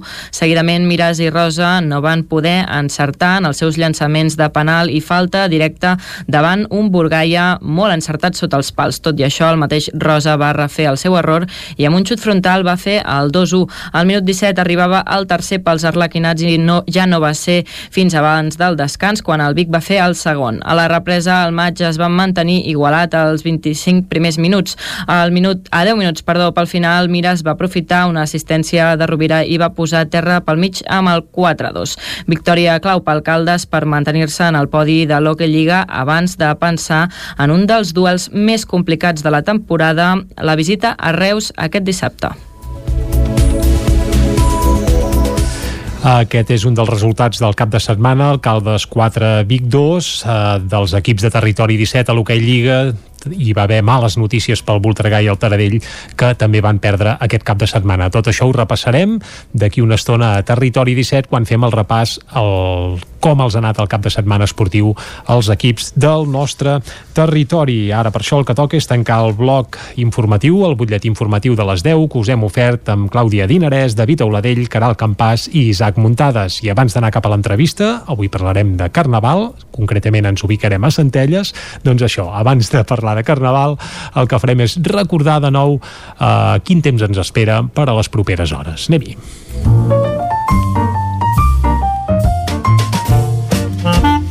Casa Terradellos us ofereix el temps. I com sempre, qui ens acosta el temps és en Pep Acosta, qui saludem altra vegada, i ara hem saludat a les 9, ara ho fem a les 10 tocades. Pep, bon dia. Molt bon dia. Per fi una mica de fred, eh, que ja tocava, eh, que feia molts dies que tenim unes temperatures massa, massa suaus. Anem ja pel temps d'avui, veu que la introducció ha sigut llarguíssima, llarguíssima, però ara anem més per feina. La. Hi ha una nova pertorbació que es va apropar per l'oest de Península Ibèrica, d'origen atlàntic, i ens afectarà avui. Aquest matí, poc. Molts núvols, cada vegada més, núvols prims que es aniran fent més gruixuts, i la sensació de fred en augment. Um, aquesta setmana serà una mica més freda. No superarem els 14-15 graus gairebé en cap població. La majoria de les temperatures entre els 10 i els 14 graus de màxima. I cada vegada més tapat. De cara a la tarda ja cauran precipitacions. Jo crec que avui on plourà més serà cap a Osona i cap al Ripollès. No sé si hi haurà una sorpresa mmm, com aquest cap de setmana, que on, on més m'ha plogut és cap al peritoral. Crec que no. Que la zona, com deia, on plourà més és cap al transversal i cap al Pirineu.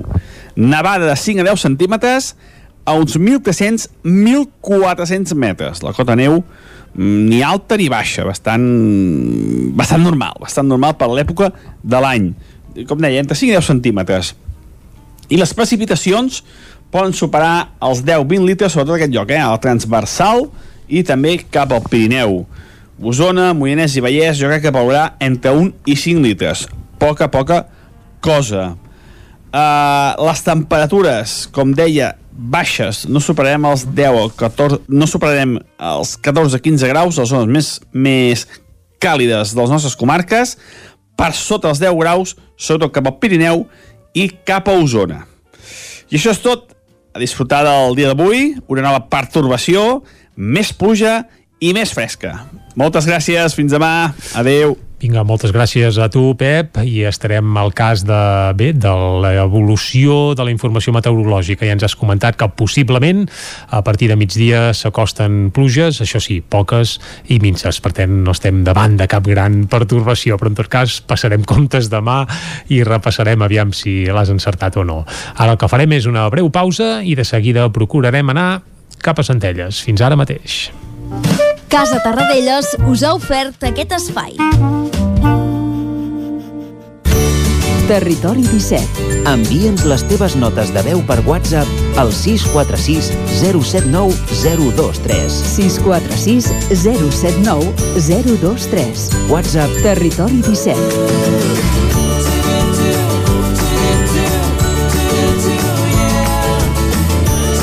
Territori 17.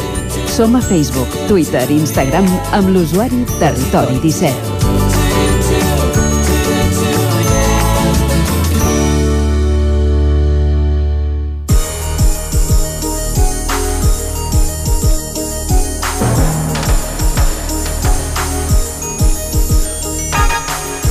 Un quart d'onze del matí, en punt, seguim en directe aquí a Territori 17 i ara el que volíem és parlar del Carnaval de Centelles, un dels carnavals més matiners de Territori 17, que habitualment es fa cada any, bé, des de fa ja 41 anys, doncs la setmana abans del que seria el Carnaval habitual. Recordem que aquest cap de setmana seria el del Gran Carnaval de Terra Endins de Torelló, un dels més dels de més renom aquí a Territori 17, i sempre a Centelles s'ha celebrat una setmana abans aquesta tradició i aquesta festa. A més a més, a Centelles ho acaben d'amenitzar tot plegat amb el cau de bruixes, una altra celebració que ha agafat molta empenta, gairebé més que el mateix Carnaval i tot, que se celebra també la setmana abans de Carnaval. Per tant, a Centelles, ara mateix, en condicions normals, si no fossin en temps de pandèmia, doncs portarien ja una quinzena de dies de disbauxa, festa i alegria que aquest any, evidentment, s'ha vist eh, alternada i trastocada, sobretot per la pandèmia. De tota manera, sí que hi ha hagut activitat i caliu, i d'això voldríem parlar ara mateix aquí a Territori 17 amb Anna Chávez, que és la regidora de Cultura i Festes de l'Ajuntament de Centelles. De tota manera, ara mateix amb l'Anna eh, se'ns ha tallat la comunicació, per tant estarem a l'espera de poder-la saludar de seguida i saber què han fet a Centelles per mantenir una mica el caliu i l'essència en un any molt difícil per les celebracions festives, sobretot al carrer i les festes així populars, que no només el Carnaval, sinó que també se n'ha vist i molt afectat altres celebracions, com per exemple els tonis. Ara mateix seria època de tonis, Sant Antoni Abat, que és el 18 de gener, i a Osona, també el Vallès, també el Moianès i també el Ripollès. És, el Ripollès no tant, però vaja, és una tradició molt arrelada i aquest any no s'ha pogut fer cap dels habituals passants de tonis. L'any passat sí que es van poder fer, també es van poder fer els carnavals, va ser allò just abans de que comencés el confinament, eh, per tant, aviat farà un any que estem patint els efectes de la pandèmia. Ara sí que sembla que podem saludar a l'Anna Chávez, amb qui repassarem el poc que s'ha pogut fer d'aquesta edició del Carnaval de Centelles. Anna Chávez, molt bon dia. Bon dia, què tal? Quin any tan, bé, anava a dir tan especial, eh, i tan malaurat per, el, bé, per la vila de Centelles. Fa 15 dies hauríeu d'haver estat al carrer omplint, bé, places i carrers amb el cau de bruixes. Aquest cap de setmana hauria tocat la gran rua de Carnaval i cap d'aquestes dues celebracions, per culpa, eh, a causa, vaja, de la Covid-19, no s'ha pogut dur a terme. Eh? Tampoc havíeu pogut fer la festa del Pi, una tradició encara més arrelada al municipi, per tant, déu nhi l'arrencada d'any a Centelles, eh? Una arrencada, bé, que no ha pogut Bueno. arrencar pràcticament res, Anna. No, ja, en Centelles, eh, el primer trimestre de l'any queden molt focalitzades les festes. Com bé has dit, Jordi, tenim la Festa del Pi, seguidament Reis, Sant Antoni, um, Bruges i Carnaval. I normalment és un trimestre molt potent, centralitzat en molt pocs, molt pocs mesos. Però, bueno, aquest any sabíem que, que era difícil poder portar grans magnituds. La rua ja es va manifestar el mes d'octubre que es veia inviable. L'únic que sí que hem mantingut petits actes mm, de petit format que han permès doncs, eh, mantenir una mica encesa esperàvem des d'aquesta edat molt més. Per exemple, el Cau de Bruixes van presentar el Cau Bruix, que realment és un joc molt interessant, mm -hmm. però sí que s'estava preparant eh, espectacle de petit format de teatre per fer la Bruixa d'any i amb el confinament municipal, com que mm, ens col·labora molta gent de, fo de fora amateur, doncs es va tenir d'anul·lar tres setmanes abans. Mm -hmm. uh, parlem d'aquest cap de setmana de Carnaval. En teoria hagués estat el gran cap de setmana de Carnaval a uh, Centelles. Alguna cosa sí que s'ha mantingut. Per exemple, s'ha pogut seguir uh, via internàutica, això sí, el pregó del 41è uh, rei Carnestoltes, eh? Exacte, es va fer el pregó online, després es van fer les consignes perquè que les escoles, la gent que volgués seguir aquestes consignes i es pogués disfressar, i s'ha fet un, un, un concurs a través de les xarxes per tal del grup Bombolla poder, eh, poder participar en aquest concurs que es donaran els premis aquesta setmana. És a dir, aquest concurs té premis en metàl·lic, a més a més, eh? En metàl·lic, sí, I, sí, sí, sí. per cert, com ha anat el seguiment d'aquest concurs d'Instagram? Us han arribat gaire uh, participants? Hi ha hagut uh, això, Sí. seguiment? N'han arribat moltes i el jurat es eh, reunirà aquesta setmana i, i podem doncs, doncs, decidir doncs, qui és el guanyador. El jurat està format per gent del món de la fotografia, del disseny, igual que faríem doncs, en un concurs normal de, de carnaval.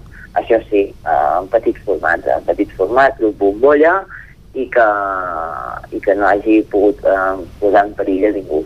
Uh -huh.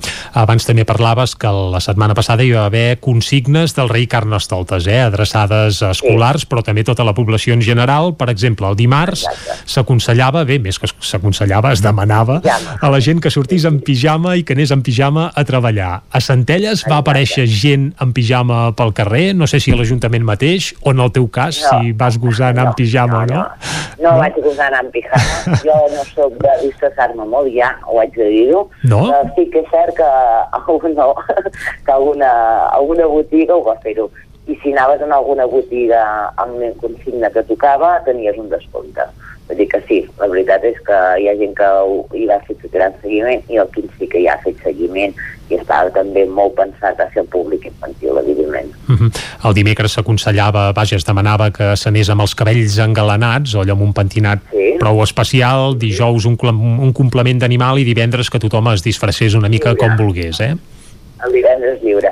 I també dir que eh, des de la nau del Triquet, tant per Bruixes com per Carnaval, han fet espectacles de petit format que ha permès, doncs, entre el que ha, organitzat l'Ajuntament físic i online i el que ha organitzat el Triquet, eh, aquest confinament municipal, els caps de setmana Centelles s'han fet una mica més agradables. Uh -huh.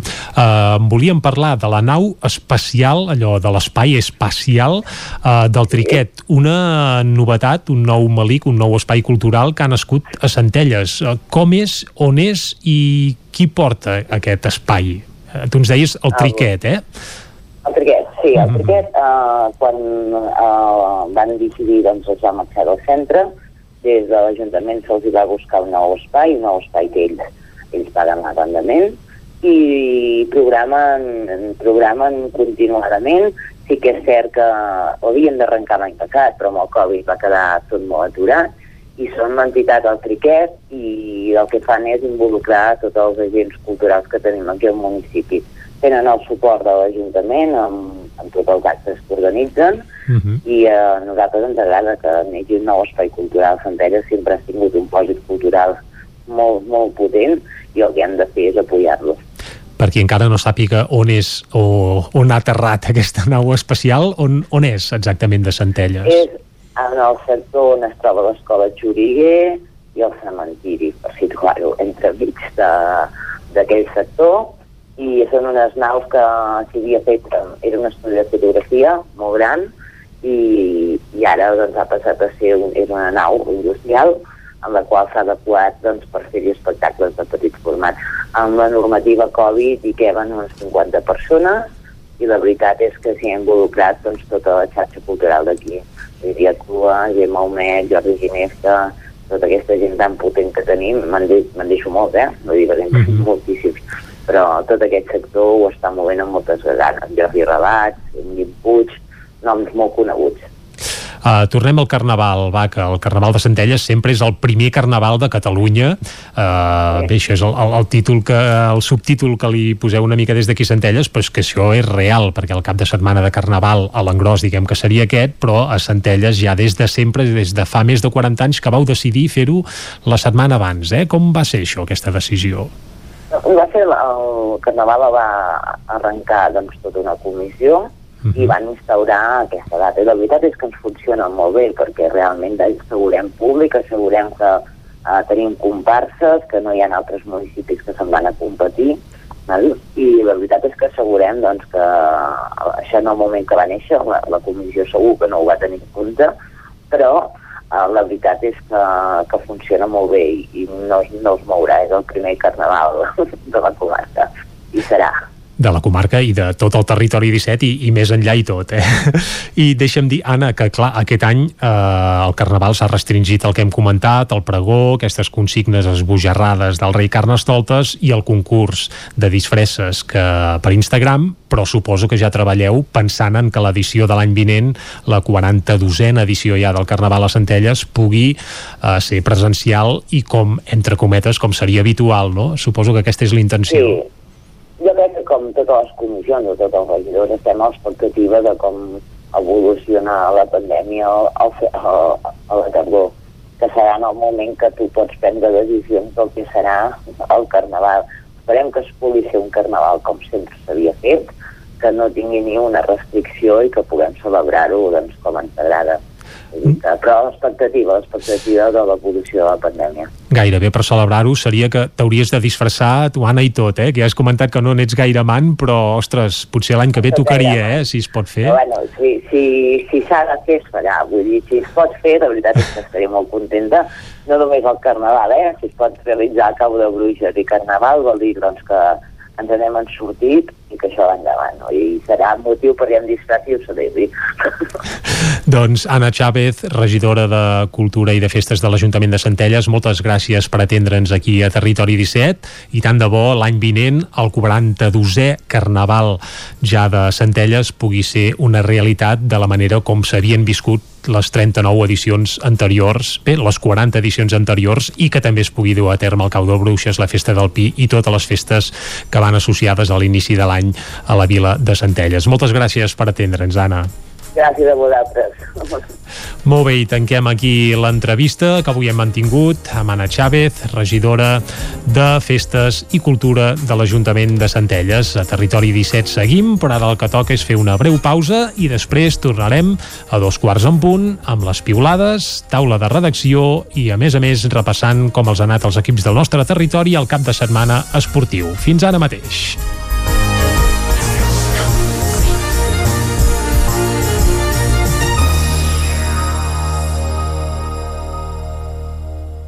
FM, la ràdio de casa, al 92.8. Són temps de reptes. A la Fogonera n'hem aconseguit 3. Servir arrossos d'estrella per emportar i a un preu de justícia. Aquest hivern tenim l'arròs de calçots en tempura. La Fogonera, la rosseria de paelles per emportar a GURB i que també et portem a casa. Telèfon 93 851 55 75 i a lafogonera.cat. I quan cau la nit, Pupurri Culinari, solucions per sopar les nits de divendres i dissabte. Entra a pupurriculinari.cat i tria. SACOM Serveis Geriàtrics, servei d'ajuda a domicili per a gent gran, persones discapacitades i nens. Cuidadors qualificats i amb totes les garanties. SACOM Serveis Geriàtrics. Ens trobareu a la Ronda Francesc Camprodon 15 de Vic. Telèfon 608 799 014 i també a sacomsl.com. El nou FM, el nou FM. Cobertes serveis funeraris. Els nostres tanatoris estan ubicats en els nuclis urbans més poblats de la comarca d'Osona per oferir un millor servei. Tanatori de Vic, Tanatori de Manlleu, Tanatori de Centelles i Tanatori de Roda de Ter. Sabem que són moments difícils i per això el nostre compromís és atendre-us en tot moment amb un tracte humà, sensible i respectuós. Cobertes serveis funeraris. Telèfon 24 hores 93 883 23 46. Cocodril Club. Si t'agrada la bona música dels anys 60, 70 i 80, escolta el 9 FM als matins de dissabtes i diumenges d'11 a 1. És el temps del Cocodril Club, tot un clàssic de la ràdio, amb les bases del pop-rock, les llegendes, les cançons que s'han convertit en autèntics himnes. Recorda, dissabtes i diumenges al matí, d'11 a 1, al 9 FM 92.8. Cocodril Club, el programa revival de l'Albert Malla. Hasta luego, El 9 FM, la ràdio de casa, al 92.8. Hi ha una màgia que no té truc. És la màgia de compartir una estona amb algú i parlar-hi. Vols practicar el català o ajudar algú a parlar-lo? Apunta't al Voluntariat per la Llengua, al programa de les parelles lingüístiques a vxl.cat. Perquè quan parles, fas màgia. Generalitat de Catalunya, 7 milions i mig A de Vic, futurs. T52, un taller d'emocions. Una celebració, un reconeixement, un record, la victòria, el premi. Tenim una solució personalitzada per a cada ocasió. Ens trobaràs al centre, al carrer 941 i també a l'Horta Vermella, al carrer Menéndez Pelayo 31. Més informació a t52.cat.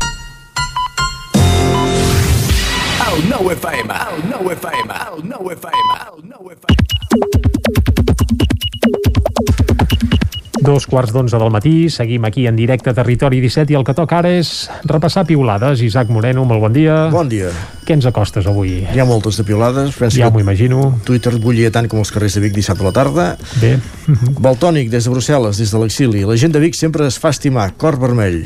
El cor vermell és el que hi ha dibuixat, perdó. Recordem que un dels darrers concerts als Països Catalans els, el va fer precisament a la sala de la Cabra de Vic, Imagina't. el Baltònic. Per tant, eh, sí, sí, té Vic al cor. I tant. La gent de Vic sempre es fa estimar, sou exemple. Anna, Anna Pont eh, comparteix una imatge del pont de la pista on es veu doncs, tot el pont ple amb furgones de policia, etc. Diu, si ve gent de Vox a provocar a Vic, com a mínim que no s'amaguin darrere la policia com si fossin rates, fora fatxes. I aquí hi ha dues tendències de, de piolades. Pep Carol, avui he vist fatxes a Vic i també he vist fatxes de Vic. Quina pena tots plegats. Ni Vox ni violència és l'etiqueta. A l'altra a l'altra banda de, de la taula, per entendre, Joan Coma, hi ha estudis que, segons contextos, apunten a relacions causals entre creixement de desigualtats barra pobresa i creixement de l'extrema dreta. Mai n'he llegit cap que digui que l'extrema dreta creix gràcies a mobilitzacions antifeixistes, ni que digui que disminueix qui ets a casa. Xavi Font, venien a provocar i han trobat resposta. Hauria estat millor ignorar-los? Jo crec que no. No tenen cabuda ni a Vic ni enlloc, ni ells ni els que els voten. Eh, encara hi ha un altre comentari d'en Font que diu els que els, els, de, els hi han regalat la foto que volien no torneu a cantar mai més els segadors sense haver-ne repassat bé la lletra, si us plau. I aquí en Carol se sent al dit i respon no estem parlant d'un partit polític eh, eh, aquí m'he saltat el, la resposta d'en Carol que diu podem fer-ho evident sense violència i en Font diu no estem parlant d'un partit polític Pep, estem parlant de feixistes que odien la meva cultura, la meva llengua, el meu amic gay i l'altre que ve de fora. Matar? Jo no he parlat de matar. Fer evident que la majoria no els volem, sí. Ni a les urnes haurien de ser. Uh, Sí, potser el debat final hauria de ser aquest, eh? plantejar-se si aquesta... Però vaja, això seria un altre tema, però si aquesta gent haurien de concórrer a unes eleccions convencionals. Malauradament la llei de partits no els exclou. Mm. Malauradament, o si més no és així. Uh, Josep Maria Dieguez fa un joc de paraules. Vic ofega xusma feixista. I, evidentment, si observeu, les tres expressions sí, comencen B baixa amb, o, o X. i xus. Bé, sí, sí, sí. Arnau Tordera primer diu ara no aneu, ara no, no aneu amb els biguetans, eh? Convé recordar que volien quedar-se amb el Carnaval de Torelló i que van idear un pla urbanístic per desviar el Ter i així disposar d'un riu gran de gran cabal. Resistència usnenca. I, i acaba amb el puny alçat. Aquest pla urbanístic no el coneixem, eh? No, però, jo vaja, si ell ho diu... Sí, bé. Uh, I una altra piolada de l'Anna Pont es veu que hem de ser respectuosos cap als que alimenten el discurs de l'odi, la crispació, el racisme, el feixisme i el masclisme més recalcitrant, cap als que es carregarien la nostra llengua i la nostra identitat, que no sigui pobrets que els convertim en víctimes. L'altra tendència del cap de setmana és el cas del ramat de Tavernoles, 200, més de 200 ovelles mortes per atacs de gossos. Una tragèdia, i tant que sí. L'alcalde de Tavernoles, en Carles Benús, piolava aquesta nit uns gossos salvatges han atacat un ramat de xais de Tavernoles, matant-ne més de 200, de 200. Agrairem qualsevol informació sobre els gossos salvatges vistos pels voltants del municipi i so que sobretot s'avisi els Mossos per poder-los capturar. Txell Vilamala comentava darrere un ramat ja temps, esforç, però sobretot una entrega impossible de pagar amb diners cor encongit, diu. El compte de pagesos GPS se n'ha fet bastant ressò i, i ha afegit bastants comentaris al respecte, meravellades amb els vostres coneixements sobre ovelles, etologia canina, assegurances agràries, llops, els parcs de les burres i el funcionament del mercat agroalimentari. No entenem què feu encara dedicats a allò que us dediqueu lluny de la terra quan sí podríeu ser milionaris. Aquest era irònic. Sí. Tots aquests que poseu en dubte que un gos deslligat pugui fer això i que per més INRI veniu a menys tenir el comentari del pagès vers els gossos sueltos, només esperem que no hagueu de pagar mai 221 ovelles. I un tercer comentari, que un gos només bordant dins un corral pot causar una matança, ho tenim clar? Abel Paraire, també del col·lectiu, però que piulava a títol- a títol individual, si no prenem consciència, això serà una guerra. Ja canviem de qüestió. Uh, Núria Sallarès, per exemple, pilava a Torelló. Aquesta nit ha somiat amb un sopat de taula llarga, 40 de colla i hores i hores de conversa arreglant el món. Però m'he despertat i el món està espatllat. Marta Roder, no ens podríem saltar ja aquest 2021 en un mes de dos diagnòstics a gent molt, molt propera d'aquells que glacen la sang, una esclerosi múltiple i un tumor. Tot això amb un coronavirus de taló de fons. No m'agrada la pel·lícula. Uh, etiqueta ens en sortirem, acaba dient. Xavi Bardolet, aca- eh, d'en Xavi de- en tinc quatre, te'n deixo triar un, va. Uh, Home, si és d'en Xevi, totes quatre, no? Sí, doncs va, les llegem ràpid, ja va. Anirem ràpid. És que són temàtiques diferents i totes tenen... Mhm. Acabo de sentir un incertidum per ràdio. Ho he trobat bastant impressionant. De fet, potser ha dit incertidum, acabar també, però continua sent bastant impressionant. Home, realment sí. Hi ha un spot del PP de Catalunya en què el candidat diu que Catalunya és líder en ocupació. Això m'ha semblat, vaja. Ho veus si anem bé? Acaba comentant. Mm -hmm. Una tercera piolada diu que la Junta Electoral exigeixi a l'Ajuntament de Ripoll que retiri una pancarta que diu democràcia ara que venen eleccions és simplement poètic. I l'últim, quin cinisme de la ministra Aranxa González Laia responent a Moscou que a Espanya no hi ha presos polítics i que estan tots fent campanya, com si fos gràcies a ella i com si la Fiscalia, l'Audiència i el Suprem no hagin parat de maquinar les de sempre per tenir-los tancats i silenciats. Veus com valien la pena tots els d'en Xevi Verdolet? I els altres també, eh? I tant, i tant, i tant. Anem ara a les portades del 99.cat. L'edició d'Osona i el Ripollès mor als 90 anys l'empresari Pere Roquet de Tona, certificats d'efectivitat anticovid per als sistemes de Sodeca i Sanifer, Sabíem a què veníem, la crònica de la tarda tumultuosa de dissabte a Vic, i faran un accés nou a la C-17 des de Montesquieu per després després d'un any amb la via tallada a causa del Glòria. A l'edició verda, la del Vallès Oriental, uh -huh. un ramader de Sant Pere vol excloure la seva finca de l'àrea privada de caça, Mor als 99 anys Ezequiel- Pasqual, primer director de la fàbrica Sati de la Garriga. Interior prohibeix les batudes de senglars als parcs de la serralada litoral i serralada marina durant els caps de setmana i presó per tres homes acusats de tres robatoris a la roca. Isaac, moltes gràcies. Vinga, que bon dia. Nosaltres ara ens n'anem cap a la taula de redacció.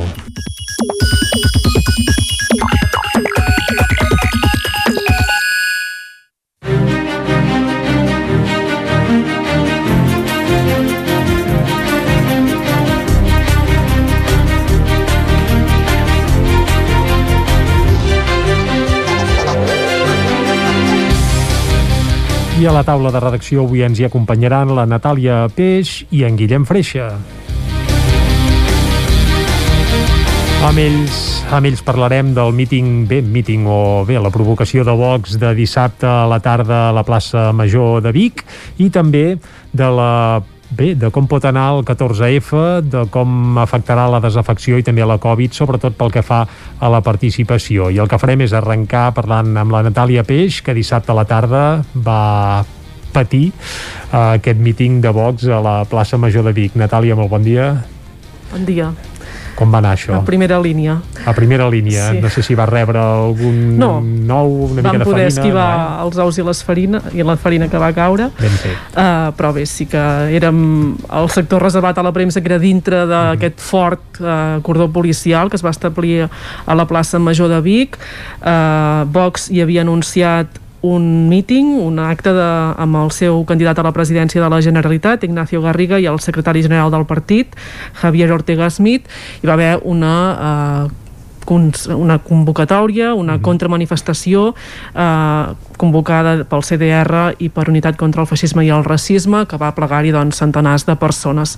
Hi havia aquest eh, dispositiu policial eh, que separava aquests centenars de persones que s'hi van concentrar amb lemes com, per exemple, fora feixistes dels nostres barris, no ens dividiran, o també amb moltes pancartes demanant l'amnistia.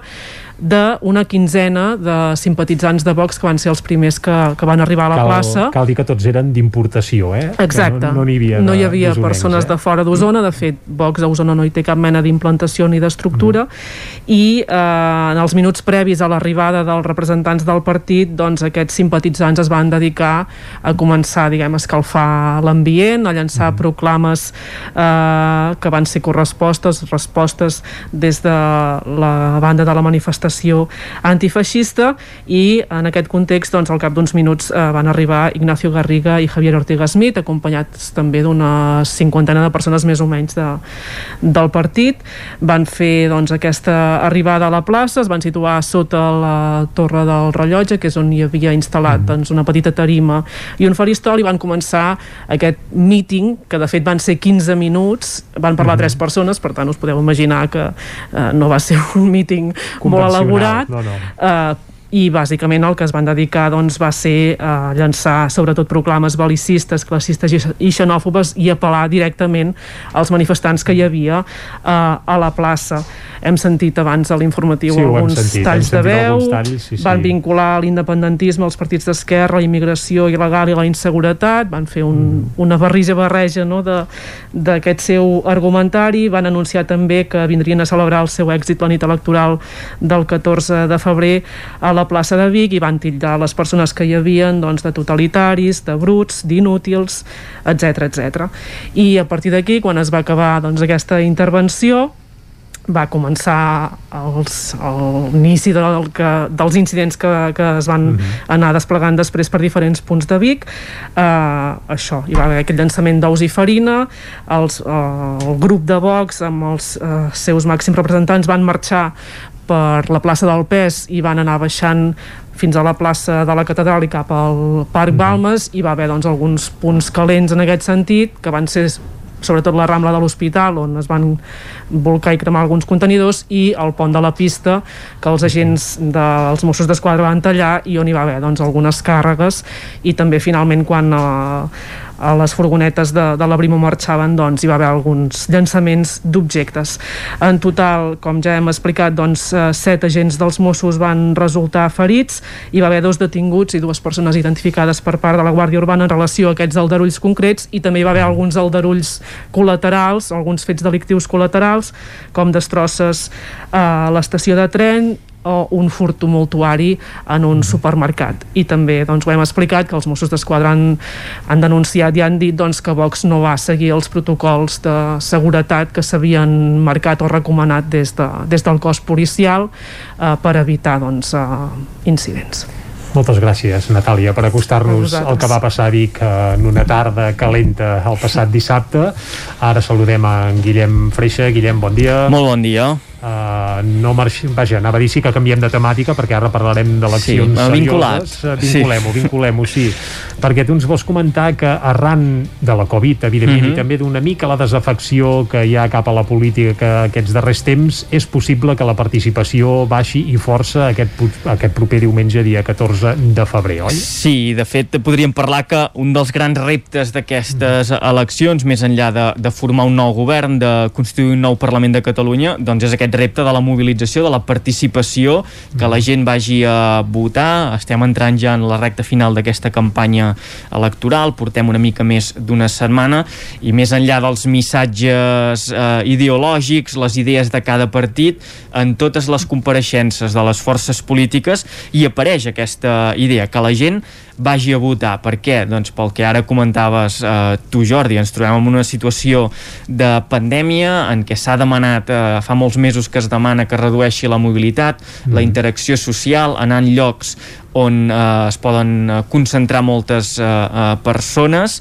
mm, i el col·legi electoral podria ser un punt d'aquest, sobretot per la gent de les meses que veuran passar per davant seu a moltes persones i en els votants doncs, també poden tenir cert temor eh, a anar a votar i eh, infectar-se d'alguna d'alguna manera. Des del govern aquestes últimes setmanes que s'ha anat treballant en un protocol per garantir la seguretat i aconseguir que la gent vagi a votar, que se senti Mhm. segura a l'hora d'anar a votar i que les xifres de participació doncs, siguin elevades, que sempre és una garantia no, de, del procés democràtic d'eleccions, que hi hagi una participació alta sempre dona més força en aquells eh, comicis. Analitzant una mica el que ha passat a, a Osona en, els últimes, en les últimes eleccions, en aquest cas al Parlament de Catalunya, eh, venim de xifres molt altes. Osona, en, els últims, eh, en les últimes tres convocatòries a les eleccions al Parlament de Catalunya, ha superat en totes elles el 75%, eh, són els comicis del 2012, el 2015 i el 2017. De fet, són el, el podi des de que es van començar a fer eleccions el 1980 en el Parlament de Catalunya. Bé, també el, és quan el pic independentista segurament Aquí, i exacte. tenia més, més, bé, més presència, Sí, sí, a- segurament. a- efectivament, són eleccions marcades uh, per aquest uh, procés independentista i de fet el rècord es produeix el 21 de desembre del 2017 en plena ressaca del referèndum de l'1 d'octubre quan s'assoleix el 85,7% de participació, per tant realment molt elevada la participació aquí a Osona. I fent una visió global també veiem que la comarca d'Osona ha anat sempre per sobre de la mitjana catalana i aquesta eh, mobilització més alta que la resta del país aquí a Osona i això podria explicar, per exemple, que en aquesta campanya electoral estem veient eh, moltes compareixences, molts polítics trepitjant el, el territori, fins i tot diverses vegades. Eh, veiem, per exemple, la, la número 1 per Girona Gemma Geis, que ha estat ja dues vegades al Ripollès. Aquest cap de setmana Junts per Catalunya també feia un acte central aquí de a, Vic. a Vic. Esquerra Republicana també ha fet uh, diversos actes, el PDeCAT també el van veure fent un acte central amb totes les patums de la Catalunya central liderades per, per Àngels uh, Chacón a la capital d'Osona i això uh, pot respondre a aquest fet eh, que davant una davallada de participació Mhm. segurament els partits polítics el que busquen és anar a aquests llocs on és més fàcil mobilitzar el seu electorat Deixa'm dir que els unionistes, en canvi, no. No hem vist cap acte ni de No. Ciutadans ni de PP. No, ja, no, no. eh, els feixistes ja els, els Sí. posem a part, però d'unionistes Mhm. no hi ha hagut cap gran acte, ni petit, vaja. Mhm, eh, confirma aquest fet, eh, que tothom està buscant allà on li és més fàcil mobilitzar el seu vot. Osona eh, tradicionalment ha sigut una comarca de vot catalanista, eh, sobiranista i independentista, per tant, per això la presència d'aquests eh, diversos eh, partits aquí fent molts i molts actes. A l'altre extrem de la balança, on situaríem el mínim històric a la comarca d'Osona? Doncs a les eleccions del 2006, les que van donar peu, les que van portar el segon tripartit, encapçalat per José eh, Montilla. Montilla. En aquella ocasió va ser un 66%, i els eh, sondejos, les enquestes que mouen ara els partits eh, polítics, els analistes també eh, polítics dels diversos mitjans de comunicació apunten que la baixada eh, podria anar cap a, aquest, eh, cap a aquesta xifra eh? una baixada de, de 20 punts respecte als últims comicis ens situaríem al voltant del 60% i també és molt important dir que un 30%, 3 de cada 10 persones encara no tenen decidit el seu vot és important això, eh? que acabin votant, eh, que no vagin a la bossa de l'abstenció perquè encara farà baixar més aquesta eh, xifra. En els últims mesos hem viscut eh, eleccions en, en pandèmia en altres llocs, en altres territoris d'Europa, de, també de l'estat espanyol, i les xifres doncs, han sigut molt més baixes. S'ha notat aquesta davallada. Tenim, per exemple, el 39% que es va registrar a Portugal. Eh, en ells els va enganxar en, en plena onada, en ple pic d'una de les onades de la pandèmia i en canvi a Galícia o al País Basc que es van eh, fer el 12 de juliol, si no vaig errat, va ser el, el juliol, es van quedar amb un 49% a Galícia i un 53% al País Basc. S'ha fomentat molt el vot per correu. Aquí també pot ser, eh, a Catalunya, un dels factors diferencials i que pot marcar no, um, quin, quina participació hi ha. La solució la tindrem el diumenge al vespre o potser dilluns o dimarts perquè veurem eh, Si aquest... s'han pogut constituir totes les meses o no. Exacte, que i el, sí. i el recompte també com va, perquè diuen que potser s'allargarà més del, del que és habitual al recompte, primer perquè arribarà molt vot per correu que s'afegeix a última hora i també perquè hi haurà tot el tema dels eh, protocols de, protecció, de, de protecció i de uh, fer el recompte de butlletes en una situació una mica, una mica diferent que altres comicis. Com dèiem, la mobilització d'aquestes eleccions que també és un dels reptes al que fan front als partits polítics. Doncs de tot plegat, diumenge o si no dilluns en traurem mm. l'entrellat. Moltes Exacte. que bé, eh? No pas, no, no. no pas avui. Moltes gràcies, Guillem. T'esperem, per cert, d'aquí tres quartets a fer-la petar a la tertúlia esportiva. Eh? Doncs tanquem aquí la taula de redacció que avui hem fet amb Natàlia Peix i Guillem Freixa.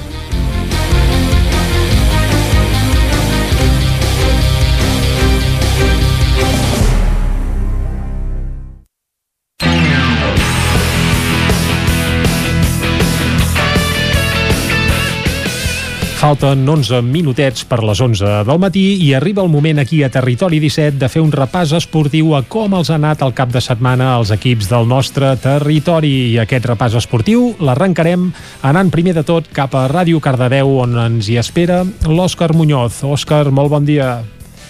Bon dia. Com ha anat el cap de setmana esportivament parlant, eh? Doncs un cap de setmana una miqueta estrany, on ha predominat els partits no disputats. Ara, pla, hi ha Així hagut que- suspensions, eh? Exacte. Vai, o ajornaments, sí. diguem-ne, suposo. Sí, Ajornament, exacte, millor dit. Què no s'ha disputat, Em, aviam? Va començar el partit del Franklin Granollers de d'handbol a petició del Dixa Modular Cisne, aquest equip amb aquest gran nom. doncs això eh, va fer que el comitè doncs, eh, va, bueno, aquest just dissabte va dir que suspenia el duel a poques hores abans de, això, de la seva disputa a Pontevedra. Tot això és perquè doncs, un positiu, arran d'un positiu a la plantilla de l'equip gallec i la nova data del partit doncs, establirà tenint la millora de la situació i l'adapta- l'adaptació dels dos calendaris dels dos equips. El pròxim partit de l'equip, si es pot disputar, serà aquest dimecres a dos quarts de nou contra el Fertiberia Puerto Sagunto al Palau d'Esport de Granollers. Mm -hmm. L'altre duel que no es va poder disputar va ser l'Esport Club Granollers de futbol, on no va visitar el camp del tercer classificat del Vilassa de Mar doncs per la mateixa, per la mateixa situació. Un, un cas positiu a l'equip dels maresmencs. Llavors, Sí, digues, Òscar, digues. sí, això va fer eh, doncs, ajornar el partit. Eh, on sí que vam tenir victòria va ser amb les noies del CAC 7 de, de, de Granollers d'handbol, on van guanyar per 28 a 20 contra el Mos Verde. Les granollerines han, van tenir una victòria plàcida contra les penúltimes del grup B, que això els hi permet eh, doncs, recuperar aquesta segon, aquest segon lloc virtual. I el seu pròxim partit serà també aquest dimecres contra la de Sal Córdoba, al Palau, en un partit també ajornat farà dues setmanes a dos quarts de sis. I per acabar, la derrota arriba en el partit més on Cardedeu era més, més important, ja que era el derbi eh, del Vallès, on les noies del, del sènior femení d'handbol de Cardedeu va perdre contra el Vilamajor per 16 a 22. El Vilamajor va anar per sobre del marcador i doncs, amb el joc més contundent i més efectiu doncs, va donar la victòria a l'equip eh, visitant. I per acabar tenim un partit de- d'handbol també del sènior masculí que jugarà aquest dijous contra el Canovelles a les 9 a Cardedeu. Molt bé, doncs moltes gràcies, Òscar, per aquest repàs als equips de, de la vostra àrea d'influència. Anem ara cap a Ona Codinenca per saludar la Caral Campàs. Caral, molt bon dia. Hola, bon dia. Alcaldes, va escombrar el Vic, eh? Bé, Sí. escombrar, escombrar, aviam, va guanyar, va guanyar el Vic, deixem-ho aquí, Va eh? guanyar. No sé si Va volies el Vic, començar per sí. aquí o no, però, però vaja. Comencem ja... per aquí, sí. Va, comencem perquè... per aquí. doncs sí, com veus comentava al butlletí informatiu, Alcaldes es va imposar per 4-2 a- al Vic, a un Vic que sí que és cert que encetava el marcador al minut 2, però bé, eh, ràpidament Alcaldes ja aconseguia mm, l'empat a 1 eh, i marxaven al descans amb un 3-2 al marcador a favor del- d'Alcaldes i a la represa doncs, el partit es va mantenir igualat eh, els primers 25 minuts i a 10 minuts pel final el Caldes doncs, va, va acabar fent aquest uh, 4 a 2 i tancava doncs, uh, així el marcador uh, i com bé us deia és una victòria important pel Caldes que els ajuda a mantenir-se doncs, en aquest podi de que lliga en el número 3 um, abans de, de pensar en, en un dels duels més complicats de, de la temporada que serà el cap de setmana vinent contra el Reus. I qui havia de jugar també era el Sant Feliu de Codines, que el tenim a segona divisió, d'hoquei, però finalment no va, no va poder jugar el partit contra l'Arenys de Munt per, per un positiu en un dels anteriors rivals de, de l'Arenys de Munt i, i bé, per tant no, no ha pogut jugar, encara no sabem quin dia es farà recuperar aquest partit i l'equip femení de Vigues i Riells doncs tampoc jugava perquè encara no ha començat la segona fase. Molt bé. Doncs així ho tenim tot, Caral, sí? Ho tenim tot, sí. Ho tenim tot. Doncs anirem sí. ara cap al Ripollès. Merci. Gràcies, Caral. Anem cap al Ripollès amb l'Isaac Muntades. Isaac, molt bon dia. Molt bon dia, Jordi. I molt bona hora. I no sé, el Ripollès, si hi ha hagut gaire activitat, ja sabem que els, vaja, que els equips del vostre mm. territori doncs, de moment estan tots força apagadots, més que res perquè cap competeix en uh, mm. divisions estatals, però què hi ha hagut el cap de setmana? Doncs mira, sí que us puc parlar d'alguns ripollesos il·lustres que han fet eh, doncs un cap de setmana rodó. Eh, sens dubte el que més destaca és el ripollès Xavier Rabassera, el jugador de bàsquet, que ha guanyat la Copa Intercontinental amb el Burgos que això evidentment eh, és aquella copa doncs, que enfronta el guanyador de, de la Champions eh, amb el guanyador doncs, de, de Sud-amèrica de la competició homologable no? i per, en aquest sentit doncs, la, recordeu que no és l'Eurolliga eh, la Champions, el que juga l'Ere de Sant Pablo Burgos i eh, Xavi Rabaseda doncs, va, va conquistar-la després de derrotar doncs, el Quimsa argentí a, a Buenos Aires per 73 a 82 eh, i bé, és un partit que no va tenir massa història tot i el marcador, que en el fons eh, van ser 9 punts, però sí que és veritat que eh, pràcticament mm, amb el segon quart que l'equip de Burgos va guanyar el segon quart 12-31 doncs eh, pràcticament ja ho tenia fet mm. i, i bé, uh, va, va acabar doncs, amb aquest marcador i Rabasset en aquest cas va jugar bastants minuts, va anotar dos punts i, i s'anota un altre, un altre títol després de guanyar doncs, la, la Champions i també uh, la Copa del Món, que ja ho sabeu que va guanyar la Copa del Món amb Espanya. I tant. Uh, que això també doncs, és, és un títol molt important. Uh, aquest seria un dels protagonistes, l'altre protagonista ja anem parlant diverses vegades, eh? ja ho vam comentar l'altre dia, l'esquiadora de Ribes de Freser, Núria Pau, que, uh mhm. -huh. que estarà als campionats del món d'esquí de, alpí, que comencen doncs, avui mateix a, a Cortina d'Ampezzo, a, a Itàlia, i bé, esperem que que la ribetana doncs, pugui aconseguir un bon resultat. A la seva cursa, en aquest cas, encara falten uns dies, eh? és el 18 de, de febrer, i, i per tant doncs, eh, intentarà doncs, fer una, una bona cursa i emportar-se un bon resultat eh, d'Itàlia. I després dir-vos també que fa unes setmanes us parlàvem que Lluís Espar de Molló havia fitxat pel Sevilla Atlético, pel filial del Sevilla provinent de, de l'Olot i, i va jugar un partit aquest cap de setmana en què va marcar el seu primer gol amb l'equip sevillista i no només va ser protagonista per això, sinó és que a més a més va acabar a l'hospital perquè va, sí, va rebre un cop de cap amb el seu rival, amb el Linares Deportivo que van aconseguir guanyar 0 a 3 i, i va haver de passar tota la nit a l'hospital per un protocol mèdic eh, ells es poden veure imatges a, a les xarxes socials que està bé i això sí, tots els seus companys es van acostar a donar-li ànims i el van anar a saludar tots uh, a l'hospital, a fora de l'hospital per tant, uh, a dins no, evidentment i, i ell estava perfectament i se'l veia saludant i, i fort, per tant, primer gol i, i primera visita a l'hospital també doncs... uh, en, en un mateix dia que també doncs des d'aquí, uh, no? des de Territori sí. 17 també el saludem i li enviem una forta abraçada i que es recuperi ben aviat, i tant que sí Esperem que sí. I bé, bàsicament això és tot el que tenim de, del Ripollès. Esperem que en els pròxims dies us puguem explicar alguna coseta més. Molt bé, moltes gràcies, Isaac. Anem ara cap a Osona amb l'Ester Rovira. Ester, bon dia. Bon dia. Ja sabem que el Vic eh, no va fer un bon resultat a Caldes, mm -hmm. va mhm. perdre 4-2, però tenim altres resultats d'hoquei Lliga també, eh, pels sí, nostres equips. I, i tampoc són bons. Tampoc no, són bons. va ser jornada negra. Mm -hmm. uh, pel que fa a resultats. Uh, el l'hoquei Lliga també va perdre per aquest mateix resultat per 4-2 el Tradell, que visitava el, el Vendrell, um, un rival directe en un partit on els tradellencs uh, no van tenir encert de cara a porteria, i en el cas de, del Voltregà també jugava fora, visitava el Palafrugell, i van perdre per 2 a 1 a causa en aquest cas uh, d'un mal arbitratge uh, decisió polèmica al final de la primera part que va condicionar la segona perquè ja va treure el Voltregà psicològicament del, del partit i a la segona part uh, doncs el Palafrugell que va aconseguir fer el, el segon gol i sentenciar aquest partit l'àrbitre que va ensenyar una doble targeta blava per protestar, Gerard Teixidor, a Eric Vargas, um, després va assenyalar la, la falta directa um, corresponent, uh, en l'acció d'aturar-la li va assenyalar, assenyalar penal uh, a Blai Roca per haver tocat l'estic de, del jugador i al final doncs, uh, amb el penal uh, no a la primera, no en el llançament perquè va anar al pal però després sí que uh, Marc Figa va recollir la, la bola i va acabar fent el, uh -huh. aquest gol de l'embat. Això que va generar polèmica i que va sobretot desconcentrar uh, el Voltregà de cara a la, segona, a la segona part que va patir aquesta, aquesta derrota.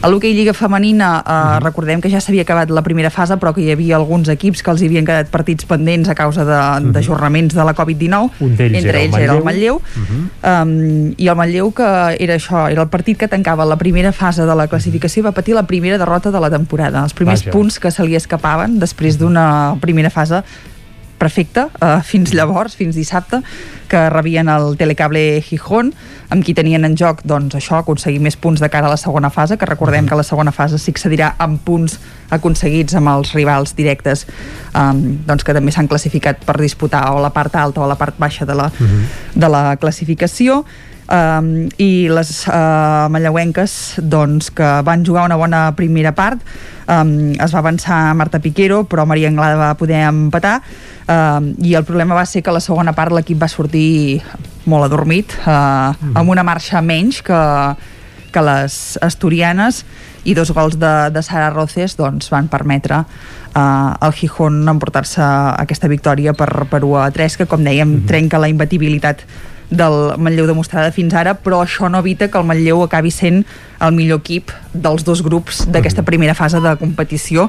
Um, són l'únic que ha aconseguit 13 victòries, si només una derrota, per tant un total de 39 punts, i també és el màxim golejador amb 87 dianes i el menys golejat amb només 15 d'encaixades. De, per tant, tot i aquesta pedra uh, doncs en Bé, aquest camí que està fent aquesta temporada però que no pot desvirtuar la gran, la gran temporada que, que, ja, exacte, temporada, que ja està sí. fent l'equip, per tant, això, uh, bona, uh, bona uh, primera fase, veurem ara com va la segona, que és on es jugaran les garrofes de veritat, perquè entre els uh, equips que s'han classificat com a quatre primers de cada un dels dos grups, només els quatre primers d'aquesta segona fase seran els que disputaran el playoff pel títol, per tant, importantíssim quedar d'aquests quatre, d'aquests quatre primers. Més coses. I no deixem les derrotes, uh -huh. uh, perquè també uh, li va passar um, el Club Bàsquet Vic Universitat de Vic, que va perdre aquest cap de setmana, en el seu cas a la visita a l'Alfindent de Saragossa, uh, i va ser um, una derrota ajustada per 64 a 60, que es va escapar en els dos últims quarts de, del partit sempre és complicat, uh, un desplaçament per carretera, uh, arribar a haver de jugar um, i bé, això al final acaba passant factura a mesura que van passant els minuts de, de partit, tot i així el Vic es manté a la part alta de la, de la classificació on hi ha un triple empat um, a 11 punts amb el Llucmajor i el, i el Roser en aquest grup uh, C3 de la, de la Lliga EVA i derrota també a la primera nacional femenina de futbol pel Vic Riu Primer que va sortir golejat en el seu cas del camp del Sant Gabriel per 5 a 1 um, en un partit dolent, amb falta de contundència i competitivitat que solen ser marques de la casa de, de les jugadores del Vic Riu Primer però aquest cap de setmana contra, No contra un dels equips de la part alta doncs uh, són el tercer classificat, el Sant Gabriel no va poder ser hem de dir però com a nota negativa que les biguetanes continuen cinquenes a la, a la classificació amb 24 punts. Per tant, bé, una derrota que no ha acabat d'afectar tampoc en el, en el resultat. I també derrota per la mínima eh, en aquest cas contra la també a domicili del juvenil del, del Manlleu, de la Nacional Juvenil de, de Futbol en un partit molt, molt igualat que eh, doncs bé, recordem que la setmana passada amb el canvi d'entrenador el Manlleu va poder eh, aconseguir una, una victòria, la, la segona de la temporada aquest cap de setmana no, per tant continuar, eh, haurà de continuar remant mm -hmm. per intentar aconseguir la salvació i just per acabar dir que ja que l'Isaac deia que la, la Núria Pau s'havia classificat per aquests campionats del, del món d'esquí alpí, d'esquí, mhm. doncs dir que també hi haurà representació usonenca amb en Quim Salaric de Malla, que també s'hi ha classificat, um, i si la de Ribes de Faser ocupa el, el lloc 145 del món en slalom, uh, doncs uh, l'usonenc ocupa el lloc 80 um, uh, de, de slalom, per tant, bé, veurem uh, Si els hi va bé. si els hi va bé en aquesta competició que com dèiem eh, no serà ara, la Núria competirà el dia 18 de febrer i en Quim ho farà el dia 21 per tant, en les properes setmanes Ho seguirem. Moltes gràcies, Esther. que vagi molt bé Tanquem aquí el repàs esportiu del cap de setmana. Recuperem ara la informació de les nostres comarques.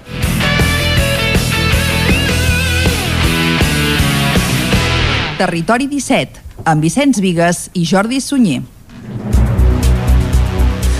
Doncs són les 11 i 3 minuts del matí. En aquest punt recuperem la informació de les nostres comarques, les comarques del Ripollès, Osona, el Moianès i el Vallès Oriental.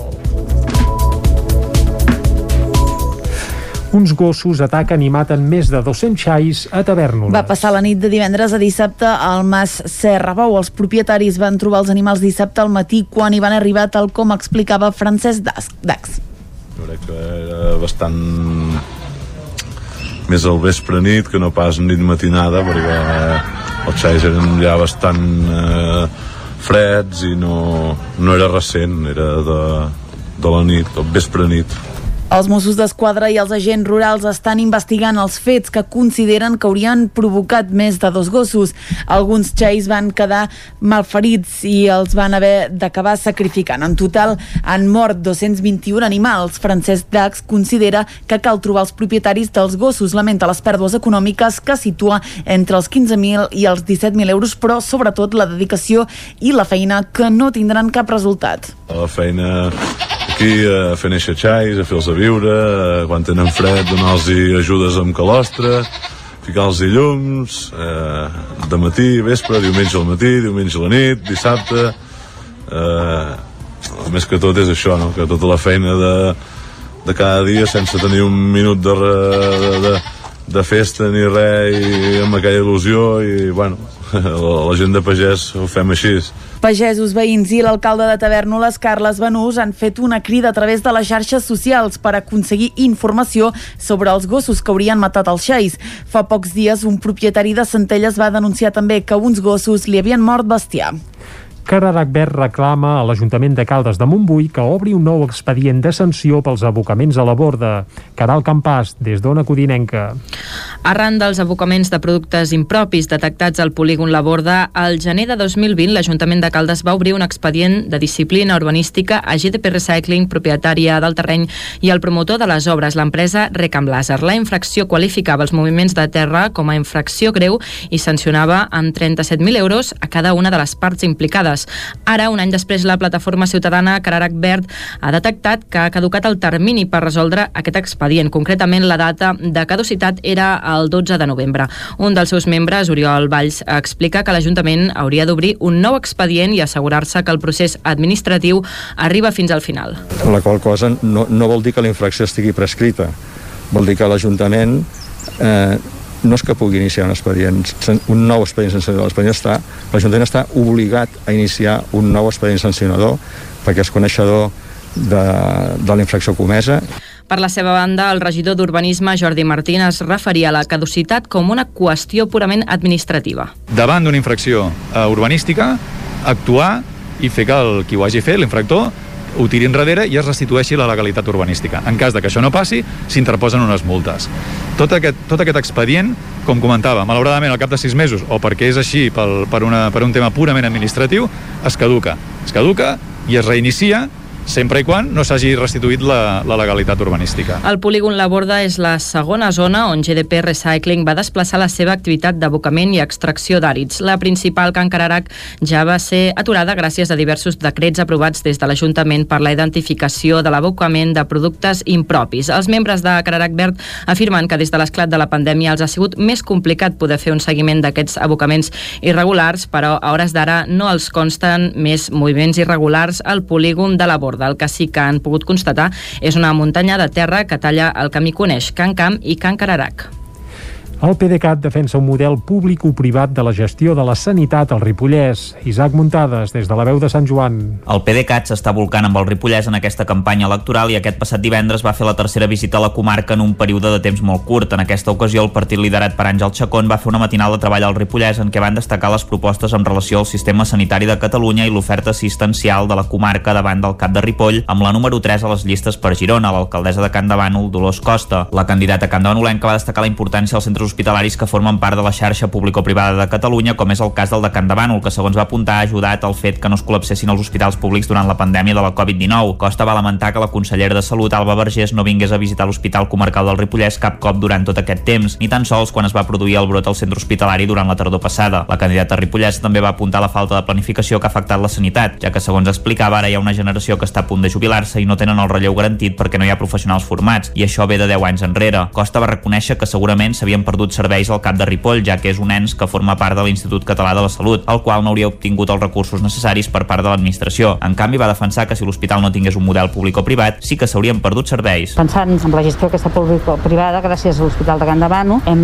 aconseguit doncs, continuar prestant molts serveis que no es prestaven. S'han variat algunes coses, evidentment, perquè les necessitats ara no són les necessitats de fa 20 anys. Per tant, ens hem tingut que adaptar una mica les necessitats actuals. Però gràcies a que és un hospital concertat, eh, que té una gestió privada, doncs ara mateix en aquests moments tindre, tenim un TAC, un TAC que per exemple no tindríem si depenguéssim de la sanitat pública. Tenim doncs uns serveis que no havíem tingut mai, com és la clínica del dolor, a l'hospital de dia, servei PADES, un servei d'urgències que funciona molt bé, eh, com és una consulta externa.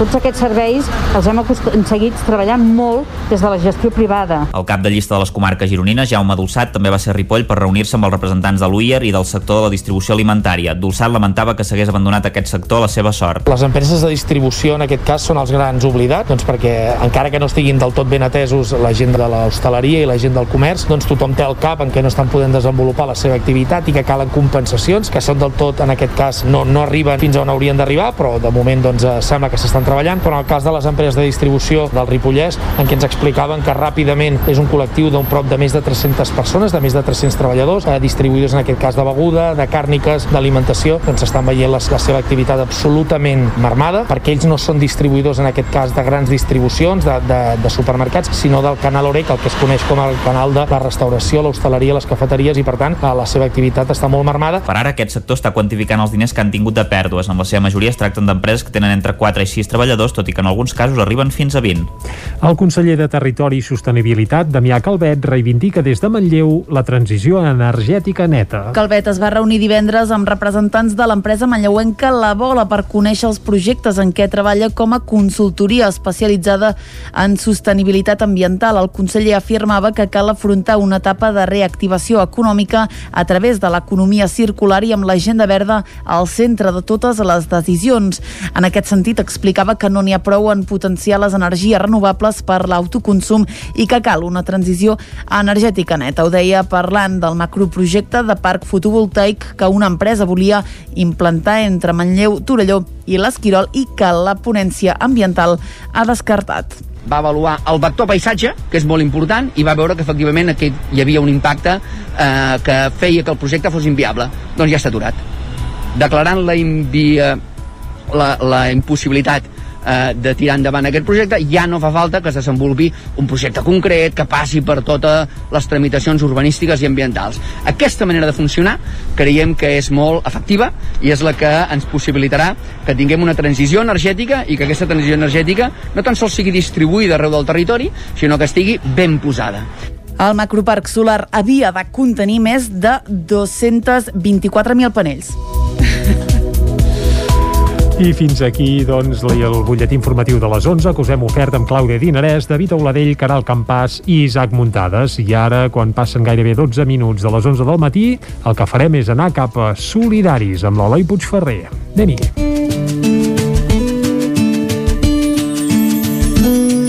Solidaris, amb Eloi Puigferrer. La nostra ruta en cerca de fundacions i organitzacions ha trepitjat ja dues comarques veïnes i diferents, Osona i el Ripollès, on hem conegut entitats de tota mena, des d'aquelles que centren la seva acció social dins del seu territori, fins a aquelles que exporten la seva solidaritat a milers de quilòmetres. Avui, des de Ràdio Vic i a través de l'antena de Territori 17, posarem el peu a una nova comarca, el Moianès, on la solidaritat no es queda ni de tros curta.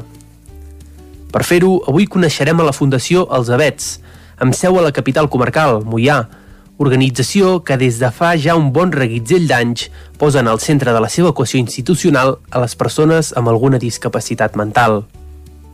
Actualment, la Fundació compta ja amb diversos estaments d'acció, que van des de residències a tallers ocupacionals propis o amb col·laboració de la mateixa societat moianesa, però no sempre ha estat així. De fet, en els seus orígens, la Fundació va néixer de l'empenta d'un grup de persones provinents tant de Moià mateix com d'una fundació internacional, que va costar l'espurna solidària a la comarca. Ens ho explica l'actual director dels ABETS, Ramon Ribas. Els ABETS eh, estem treballant amb persones amb discapacitat, eh, tenim en aquests moments dues ja residències i un taller ocupacional i estem engegant també el servei de fundació tutelar i de servei d'acompanyament a la vida independent bàsicament suport a, a la comarca del Moianès a les persones amb discapacitat intel·lectual. Els ABETS estan funcionant des del 1981 ja són anys, eh, i els orígens venen perquè eh, una persona d'aquí Mollà va contactar amb una gent de, de França que estaven treballant amb persones amb discapacitat a una organització de França, els va convidar a passar vacances aquí a Mollà i eh, en aquí van conèixer una dona francesa que vivia aquí que al final es va morir i els va deixar la casa en aquesta gent i aquesta casa s'ha convertit en els Avets la, la, una casa d'acollida per persones amb discapacitat i vinculada, seguim vinculats en aquesta organització francesa que ha crescut internacionalment i que es diu l'Arca i hi ha 150 entitats com nosaltres arreu de tot el món. Tot i tenir uns inicis tan repentins i amb tanta empenta solidària, des d'un bon començament tot és complicat. Ribas recorda com va ser tot el procés fins a arribar on són avui en dia, passant de tenir només tres usuaris a superar la vintena. A l'inici són molt de, de voluntariat. Eh, quan eh, aquesta casa, diguéssim, es va oferir en aquesta organització, resulta que hi havia un altre eh, eh, grup que ja havien començat a treballar també amb, aquest, amb aquesta organització internacional a Tordera. I en allà a Tordera havien fet una casa per homes i eh, havia dones que també els hi picaven a la porta i llavors quan els van oferir aquesta casa van dir eh, els de Tordera us interessa i van dir ah sí, aquí podem fer la casa per dones i van un parell de, de persones joves, una parella de torneres joves, van dir nosaltres estem disposats a anar a obrir aquesta casa i viure amb les persones amb discapacitat. Des del voluntariat, eh, assumint, diguéssim, totes les despeses de la seva vida. No? I eh, així es va començar amb tres, quatre persones, eh, dones en aquests moments, eh, una parella de joves eh, que van vindre des de Tordera, des de Belgrat, a viure aquí, el Jordi i la Lluïsa, i ells van obrir la casa per eh, començar a treballar per la discapacitat. L'escola Pia ens va oferir un espai per poder fer taller i eh, així es va començar ja la llar i el taller. A partir d'aquí doncs, ha anat evolucionant, evidentment, l'entitat. Eh, mantenim una forta vinculació amb el voluntariat, és una de les nostres eh, pilars forts, però evidentment ens hem anat professionalitzant per adaptar-nos a la realitat que hi ha, per adaptar-nos a les normatives i doncs, en aquests moments és un servei eh, des d'una fundació privada però amb, amb servei públic, amb totes les places públiques eh, que ens otorga la Generalitat. Però tot i trobar els seus orígens en una perfecta barreja entre solidaritat francesa i tordarenca, avui en dia, els avets ja estan totalment arrelats i formen part de la seva comarca, el Moianès, on centren la seva acció i d'on no tenen previst sortir-ne. Al Moianès tenim aquesta realitat de, de, de sentir-nos que estem aquí en aquest altiplà entre eh, Manresa, entre Vic, Granollers, no? que són grans ciutats que tenen molts serveis, però que aquí en el nostre altiplà del Moianès doncs, eh, a vegades ens sentim una mica aïllats de tot això. Eh, I ens hem adonat també doncs, que les persones amb discapacitat del Moianès moltes vegades per, per les seves necessitats han d'acudir doncs, a Manresa, a Vic, a Granollers, que hi ha altres entitats molt més fortes, amb molts més recursos i que per algunes persones poden ser molt interessants, però per altres prefereixen la proximitat i eh, nosaltres els podem donar aquesta, aquest mínims de serveis, diguéssim, des del Moianès. Com et deia, nosaltres formem part d'una organització internacional que és l'ARCA i una de les coses que, que un dels signes d'identitat de l'ARCA és eh, que les nostres relacions són molt familiars. i si creixem molt perdem aquesta familiaritat i per tant doncs, volem preservar no créixer gaire en donar serveis a allò que es necessita a la comarca però no tenim cap intenció de créixer més enllà d'això. I és precisament aquest punt familiar el que fa que el Zabet sigui tan ben rebut i s'hagi consolidat ja com un estament dins de la comarca i de la seva capital molta gent quan ve a viure aquí, no, quan venen a visitar-nos, el que destaquen precisament és això, és dir, davant d'altres grans institucions que tenen les seves avantatges de tenir molts recursos i tindre moltes possibilitats de fer coses diferents, nosaltres, eh, la nostra gran avantatge és aquesta familiaritat que fa que tots ens coneixem entre nosaltres, que hi ha un tracte molt, molt proper, molt humà, que eh, qualsevol cosa ens les podem treballar confiadament els uns amb els altres. La relació que establim amb les persones amb discapacitat és una relació de, de molta igualtat. De, no, no intentem al màxim que no hi, no hi hagi vida eh, institucionalitzada, sinó que ells estan a casa seva, se senten que és casa seva. Jo quan vaig a, a les llars truco, demano permís per entrar perquè és casa seva, no, no és la meva, el meu edifici per molt director que sigui, és casa seva. I després també me'ls puc endur a casa a passar el dia amb mi, a dinar, no? I, eh, aquesta familiaritat que estableix una relació d'amistat entre persones.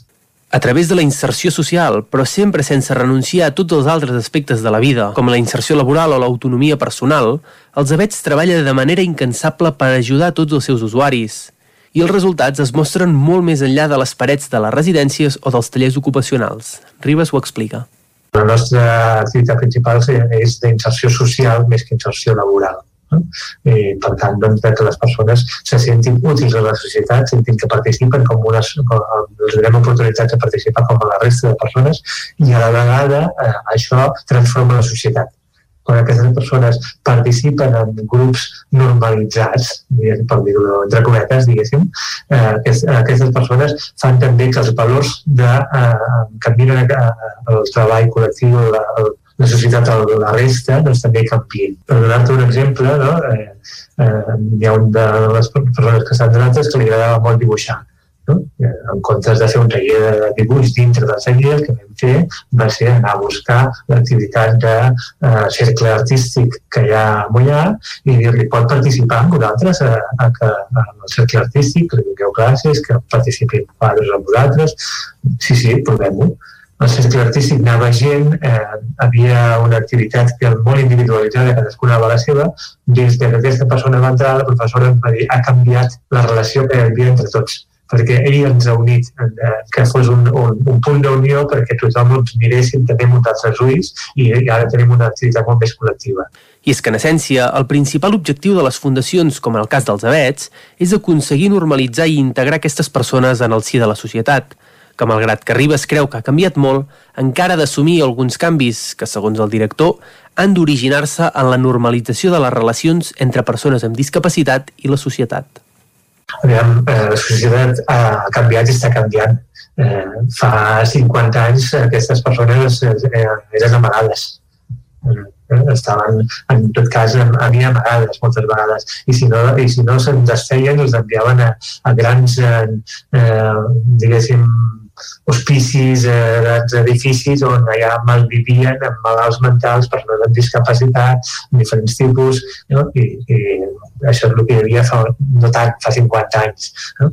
Eh, eh, per sort la societat ha anat canviant nosaltres, com en deia, ja fa gairebé 40 anys que estem eh, treballant a, a Mollà i per tant la gent de Mollà ens coneix sobradament ens saluda pel carrer no? i per tant la integració és molt més eh, natural tot i així, eh, encara es troben moltes vegades actituds de ai, pobrets, eh, de, de caritat, que eh, hem d'anar superant, que són, que són des de la bona fe, eh? des de, des d'una mirada, diguéssim, de, de, amb bona intencionalitat, però encara no amb una sensació d'igualtat, de, de, de sentir que són persones amb diferents condicions, però eh, tots amb, amb, amb moltes possibilitats, diguéssim, de, de fer i de, de relacionar-nos com iguals. La, el canvi eh, que nosaltres propiciem bàsicament és a través de la relació d'ells amb naturalitat amb, amb el seu entorn això és el que millor pot fer canviar les coses. La nostra proposta de canvi és a partir de la relació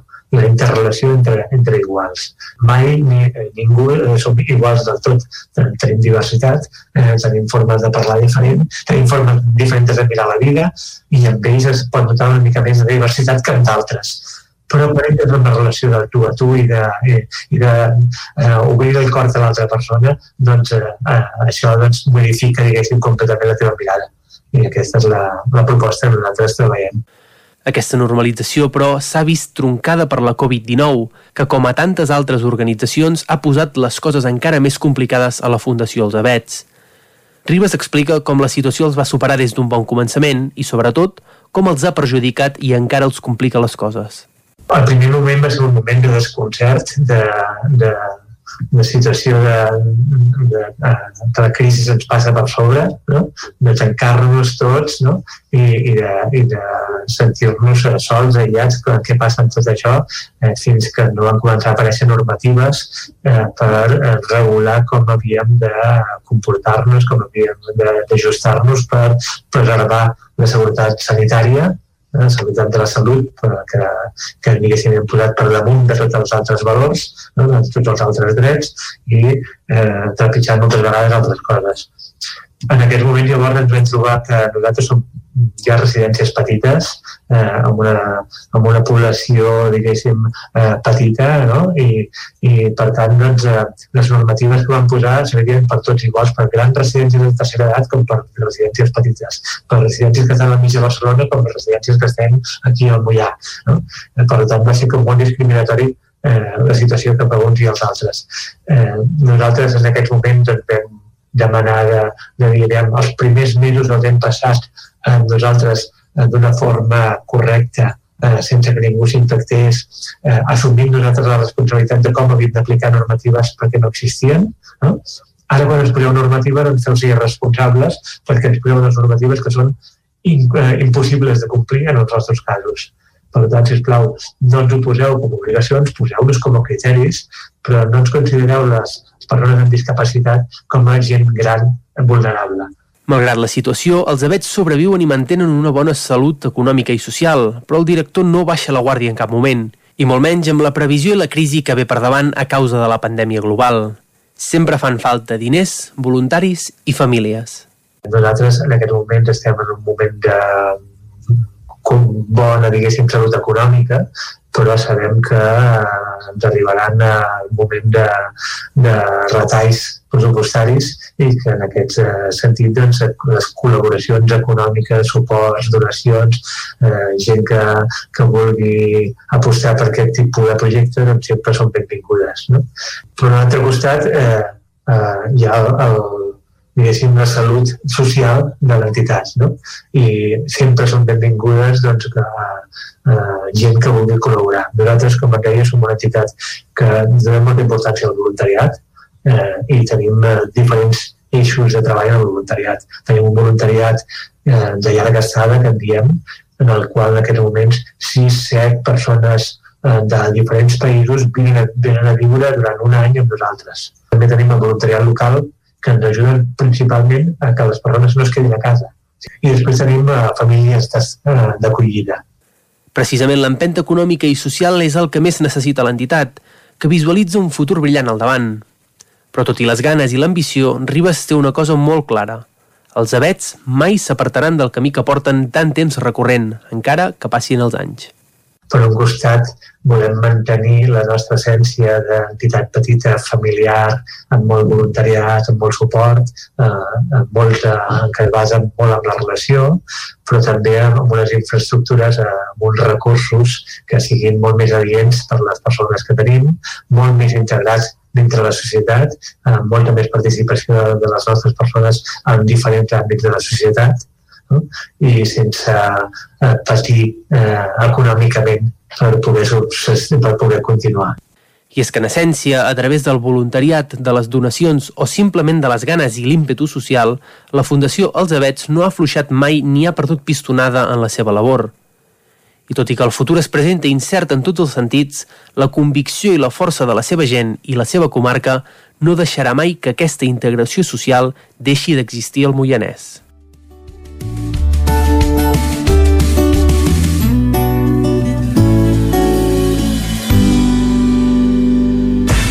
El nou FM, la ràdio de casa, al 92.8. SACOM Serveis Geriàtrics, servei d'ajuda a domicili per a gent gran, persones discapacitades i nens Cuidadors qualificats i amb totes les garanties. SACOM Serveis Geriàtrics. Ens trobareu a la Ronda Francesc Camprodon 15 de Vic. Telèfon 608 799 014 i també a sacomsl.com. La ràdio de casa al 92.8. El nou FM. Cobertes serveis funeraris. Els nostres tanatoris estan ubicats en els nuclis urbans més poblats de la comarca d'Osona per oferir un millor servei. Tanatori de Vic, Tanatori de Manlleu, Tanatori de Centelles i Tanatori de Roda de Ter. Sabem que són moments difícils i per això el nostre compromís és atendre-us en tot moment amb un tracte humà, sensible i respectuós. Cobertes serveis funeraris. Telèfon 24 hores 93 883 23 46. Hi ha una màgia que no té truc. És la màgia de compartir una estona amb algú i parlar-hi. Vols practicar català? Vols ajudar algú a parlar-lo? Apunta't al voluntariat per la llengua. El programa de les parelles lingüístiques a vxl.cat. Perquè quan parles, fas màgia. Generalitat de Catalunya. 100 milions. Can Xalant, moda i complements. Més que rebaixes, nova secció tot a 10 euros. Moda home-dona, nen-nena, sabates, bosses de mà, maletes, complements i molt més. Sí, ho has sentit bé, tot a 10 euros. Vine a Can Xalant, ens trobaràs al carrer Sant Tomàs 4 de Call d'Atenes. També a Instagram i Facebook.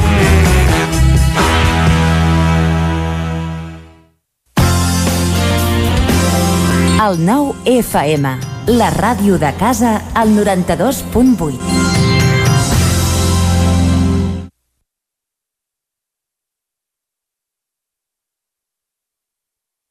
Només pensar en passar aquesta nit sense calefacció amb aquest fred? No es preocupi, hem analitzat a fons la caldera i de seguida quedarà reparada i en funcionament. Quan tingui un problema amb la seva caldera, vagi directament a la solució. Truqui sempre al Servei Tècnic Oficial de Saunier Duval i despreocupis, perquè som fabricants i coneixem les nostres calderes peça a peça. Informis a Oficiat Nord trucant al 938860040. Saunier. Cocodril Club.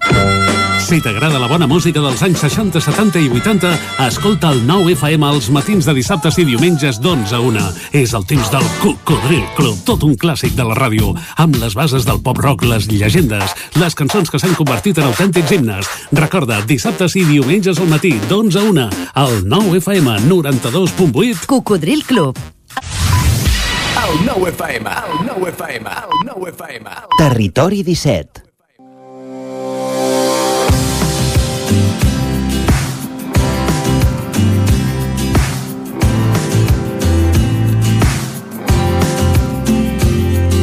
Malla és un poble rural situat al sud de la comarca d'Osona, amb una població que majoritàriament viu de l'agricultura i la ramaderia. En aquest municipi s'hi troben una seixantena de masies escampades a llarg d'11 quilòmetres quadrats. Peces fonamentals en el paisatge de Malla són l'església de Sant Vicenç, que juntament amb la casa rectoral, el Museu de Malla i el cementiri formen un conjunt històric molt important.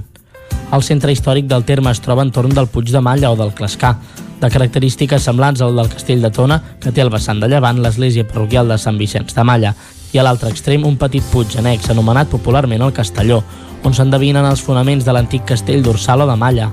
Va ser descobert a principis del segle XX per la colla d'intel·lectuals anomenada popularment Colla de Gurb, entre els quals hi havia mossèn Gudiol. Al Castelló hi van trobar restes medievals i d'èpoques anteriors, probablement ibèriques, en les quals destaca un ganivet o coltell de metall amb punta d'espasa. Les restes arqueològiques formen part del conjunt de peces en estudi del Museu Episcopal de Vic i no estan exposades al públic. El conjunt monumental del ha el museu amb les restes arqueològiques exposades al públic i trobades a la zona, les restes de l'antic castell de Malla, la rectoria que alberga el Museu de Malla, l'església romànica de Sant Vicenç i el cementiri. L'origen de l'església és del segle X. Entre els segles XI i XII es va aixecar l'edifici romànic que ha perdurat fins ara, de tres naus separades per arcs de mig punt i capçades amb absis semicirculars. A principis del segle XX s'hi van fer reformes a l'interior fins a capgirar-ne l'orientació. El 1984 va ser restaurada i se li van retornar les línies originals. Al campanar romànic de Malla hi ha quatre grans campanes. Es creuen datades del segle XVIII, dues de grans de repic més greu i dues de petites de repic més agut. Per acabar, us proposem trepitjar el bosc artístic de Prat Verd. És una antiga plantació d'avets de Nadal reconvertida en bosc artístic. Disposa de diverses instal·lacions per celebrar-hi esdeveniments i d'un poblat dels artistes per realitzar diverses activitats.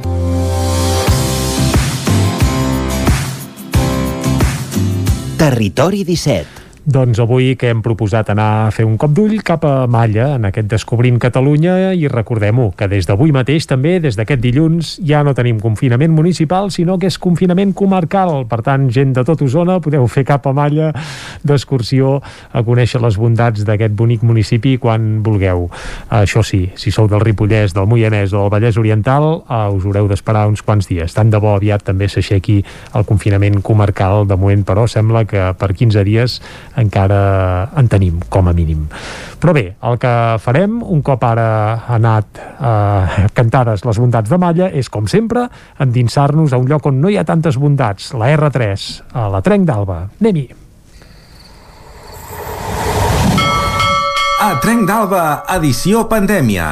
Ara sense els usuaris que ens explicaven les seves desgràcies a la R3, però amb els mateixos retards i problemes de sempre. Benvinguts a Tren d'Alba. Avui una usuari de Twitter es queixava amb una piulada de que hi havia passatgers que portaven la mascareta a tall de bufanda, que evidentment és com no s'ha de portar en cap cas la mascareta. La usuària deia que es tractava del tren entre Castelldefels en direcció a Barcelona d'abans de les 9 del matí. És evident que hi ha gent que no respecta res de res i a sobre encara tenen lleis i contesten. Mireu, de fet n'ha fet un vídeo on només enfoca el seient, però es pot escoltar la conversa del moment de l'incident. Com que hi ha algun insult molt pujat de to, us el trauré i només posaré el tros més amigable. Sí, Hombre, está muy, pero está muy encerrada, niña. O niñata. De lo que te merece. Yo no le he insultado, ¿eh? Señora, pero, pero tú sigues insultando a todo. A nadie. A tú a todo. Lo que pasa es que todo el mundo se calla. o no? Pues no y me ya callo. tú. Yo Me vas a insultar tú. Estamos encerrados. Yo no hablo con nadie. Estoy a un metro de distancia con todos. Estamos encerrados. Estamos encerrados. Tu aliento no me importa. No puedes enfermar a alguien. No eres policía ni nada. ¿Que no soy qué? Que no eres policía ni nada. Tú lo sabes, que Que no no, soy que me dejes en paz. tú lo Que me dejes en paz. Ok, pues vamos a llamar a la policía. Llámala. De un metro de distancia. En la calle, un metro de distancia, dentro no. Es te enteras. Es obligatorio. Respeto de todos. Es obligatorio. Es obligatorio. de todo el mundo. Llamo a la policía No es por eso. Es que. Es que no hay ventilación. No, no, no, que llamo a la policía, tú no te vas de aquí. Ja veieu que la pandèmia ha tret el pitjor de nosaltres, també. En tot cas, l'usuària que ha gravat el vídeo per denunciar la situació ha rebut la resposta de Rodalies dient-li que ho havia de comunicar als Mossos pel 112. Va, ens retrobem demà amb més històries de la R3.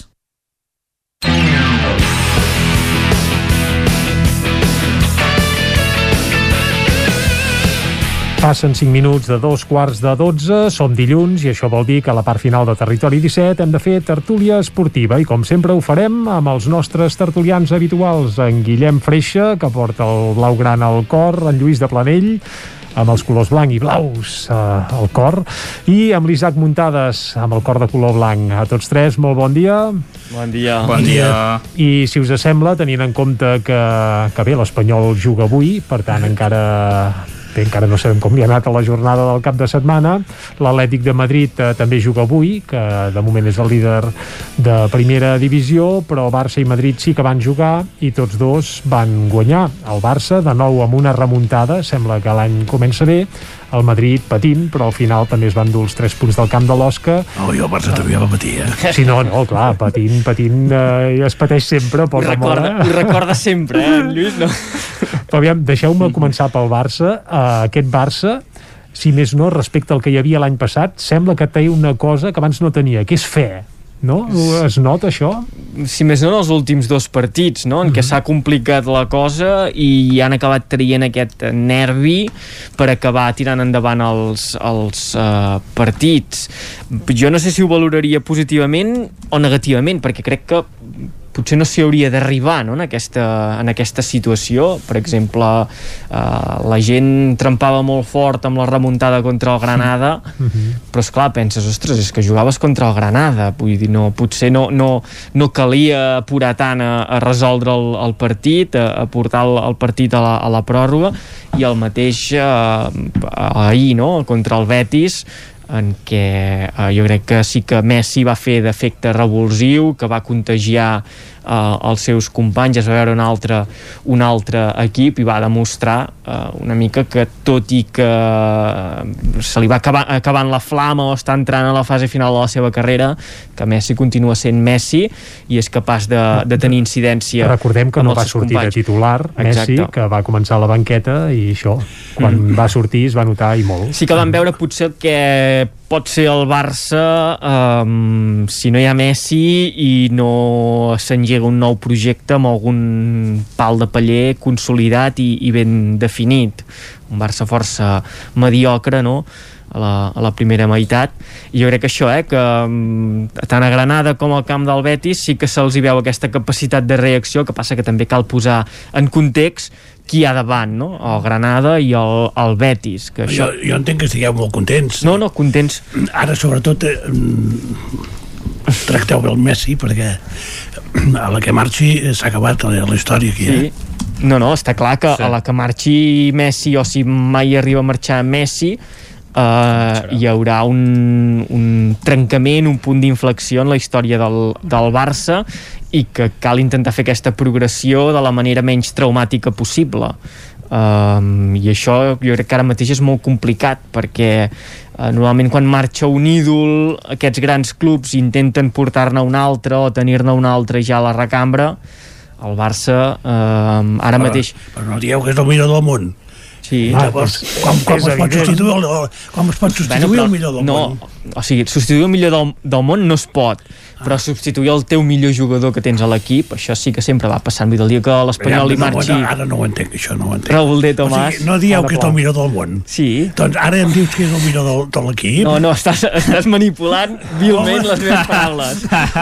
jo dic, en Messi serà sempre el millor jugador del món, però i dins el Barça és, òbviament, el millor jugador de l'equip. Sí, I el millor del aquesta referència la referència com a millor jugador de la plantilla o com a jugador referent, el jugador franquícia mm. que diríem en, en els esports de, per exemple, en el bàsquet, el a l'NBA sí. uh, s'haurà de buscar i ara mateix el Barça aquest relleu no el, té, no el té definit quan va marxar Ronaldinho de seguida va pujar Messi o de seguida es va consolidar uh, Messi i, i es va fer aquest canvi de, de, de jugador de, de referència jo crec que ara ni Barça ni Madrid el, el tenen definit mm. aquest uh, jugador franquícia en el cas del Madrid després de Cristiano Ronaldo i sí, en el cas després del de... millor jugador de, de l'univers no? m'imagino que volies dir clar, has dit el del món però de l'univers és, és de la Via Làctea és Cristiano Ronaldo que és això, eh, que des de que va marxar Cristiano Ronaldo el millor jugador de l'univers valga la redundància, doncs va passar el que va passar al Madrid cas que ho estem... El millor jugador de l'univers segons Isaac Montada. Sí, Sí, sí, Tot clar. segons Sí. Guillem Freixa és Leo Messi el millor jugador del món No, també, eh? però- vull dir, matisem, eh? jo crec que és una, és una situació natural a l'Espanyol a la que va marxar Raúl Tamudo no? també hi va Sí. haver eh, que va estar a punt dubtes. d'anar al Ripoll Sí, també. Això és a cert. retirar-se. Sí, Vull dir que De passa... totes maneres, no- nosaltres no, ni univers, ni món, ni, ni el pis de casa. Vull dir que és un bon jugador, ens anava molt bé, feia molts gols, era sí. un ídol per, per una bona part de l'afició, i ja està, aquí s'acaba la cosa.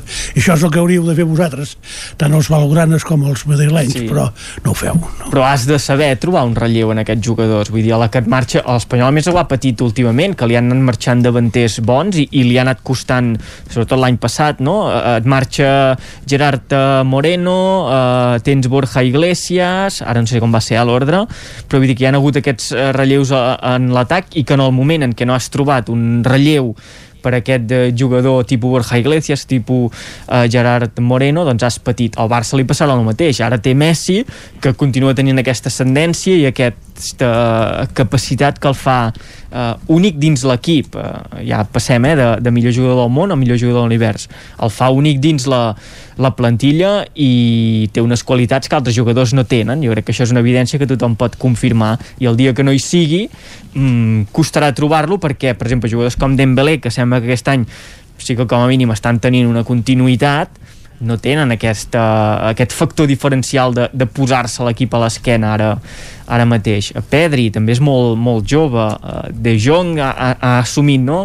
Eh, també força lideratge veurem, o Griezmann que també... Per cert, deixa'm dir que De Jong també va començar a la banqueta ahir, eh? Sí, sí, és que ahir... Tres ni... puntals de l'equip com Messi, De Jong i Pedri doncs Arriscat. no van començar en l'11 inicial. Perquè dimecres heu d'anar, sí, heu de tornar a Sevilla Correcte. i llavors en, en Comal us va, us va voler guardar. Per cert, ara veig el diari, avui és un dia especial pels col·les, no?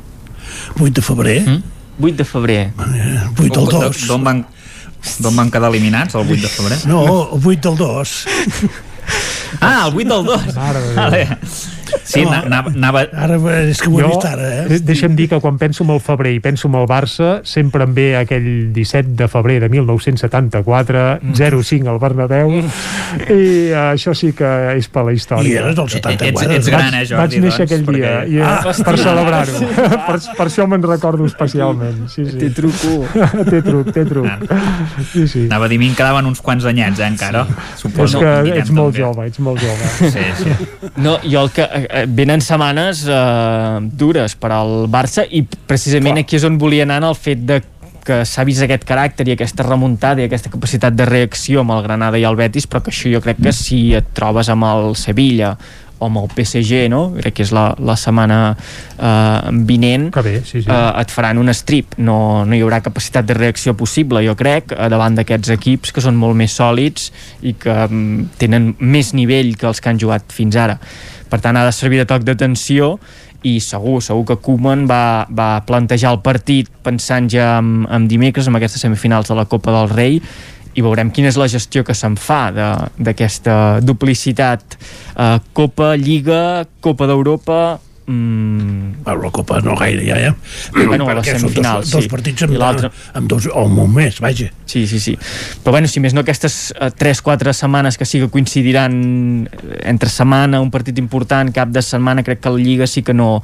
Els partits eh, haurien de ser priori contra equips eh, assequibles, però eh, veurem com ho gestiona i també com reacciona la, la plantilla en el, en el cansament, també a la defensa, que el Barça està, està la, patint. La plantilla, eh, que no, no està acostumat al Barça a jugar Sí, sí, dos partits per setmana. Però, per exemple, en defensa, ahir no es fa mal l'Araujo aquest, el, el central. Veurem també quin abast té, com, quant temps ha d'estar de baixa. Tens a Piqué també fora. Estàs utilitzant molt a Mingueza, que potser no hi comptaves eh, massa. Per tant, eh, també són aquestes variables que et fan, que et fan canviar. I, i en la mateixa situació crec que està el Madrid, que el Madrid li va anar Sí, al canto d'un Madrid. duro. O El ara, ara he Madrid vist està que... pitjor, perquè el Madrid té 12 jugadors de camp per jugar O, el partit que Odriozola té. i Militao avui, demà no poden jugar, eh? Exacte. Militao per, per sanció, suposo. No, per, no, perquè ja va No, no. complir, no? No, no, eh, lesionats tots dos. Ah, sí, és veritat, és veritat. Lesionats, lesionats, és veritat. Sí, sí, sí, sí. Sí, anem amb 12 jugadors del primer equip. Vull dir que realment és... Em sembla que Kroos, a més a més, tampoc podrà jugar perquè està sancionat perquè ja ha vist la cinquena targeta groga al cap de setmana, per tant el Madrid va en quadre en aquest partit endarrerit que juga contra, contra el Getafe.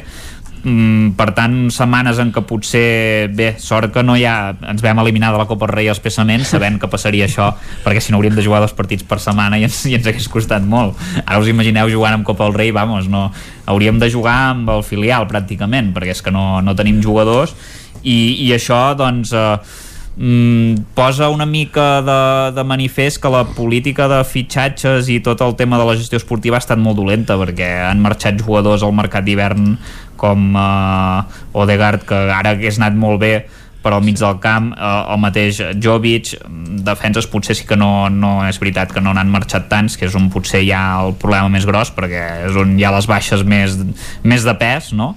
Però bé, uh, haurem de fer el que puguem i intentar aguantar aquests partits, a veure si avui l'Atleti de Madrid té un mal dia i, i perd 3 o 4 o 5 partits seguits i ens posem líders, no? Sí. Això, això seria l'ideal, però clar, sí, sí. Uh, això, això no passarà Uh, haurem d'anar retallant a poc a poc i això d'anar a retallar a poc a poc vol dir guanyar cada jornada i anar esperant empats uh, el duels, els duels directes el Barça jo crec que també ara és un miratge, vull dir uh, ho, ho he dit abans, eh? el Barça sí ha pres a patir ja m'agradarà veure com pateix quan, el, quan estigui perdent 4-0 contra el Bayern de Múnich aquell dia m'agradarà veure, veure com pateix perquè sí que patirà llavors, sí mm. perquè ara fins ara ha jugat amb equips bé, de, de talla baixa sí, i, no? estarem d'acord, no? El, el Madrid segurament l'aposta serà la, la Champions, no? Que us sí, toquen sí, aquests, sí, sí. aquests vuitens de tràmit contra l'Atalanta. No, de tra... no, no, no, no, no, no, això no ho pots dir-ho que és de tràmit, perquè l'Atalanta és molt bon equip. Buf, Altra cosa sí, és sí. que tingui, un no... tingui el nom que té, però Sí. és dels millors equips que hi ha ara mateix, i l'any passat va arribar lluny a la Champions, va arribar Sí, als quarts però- de final.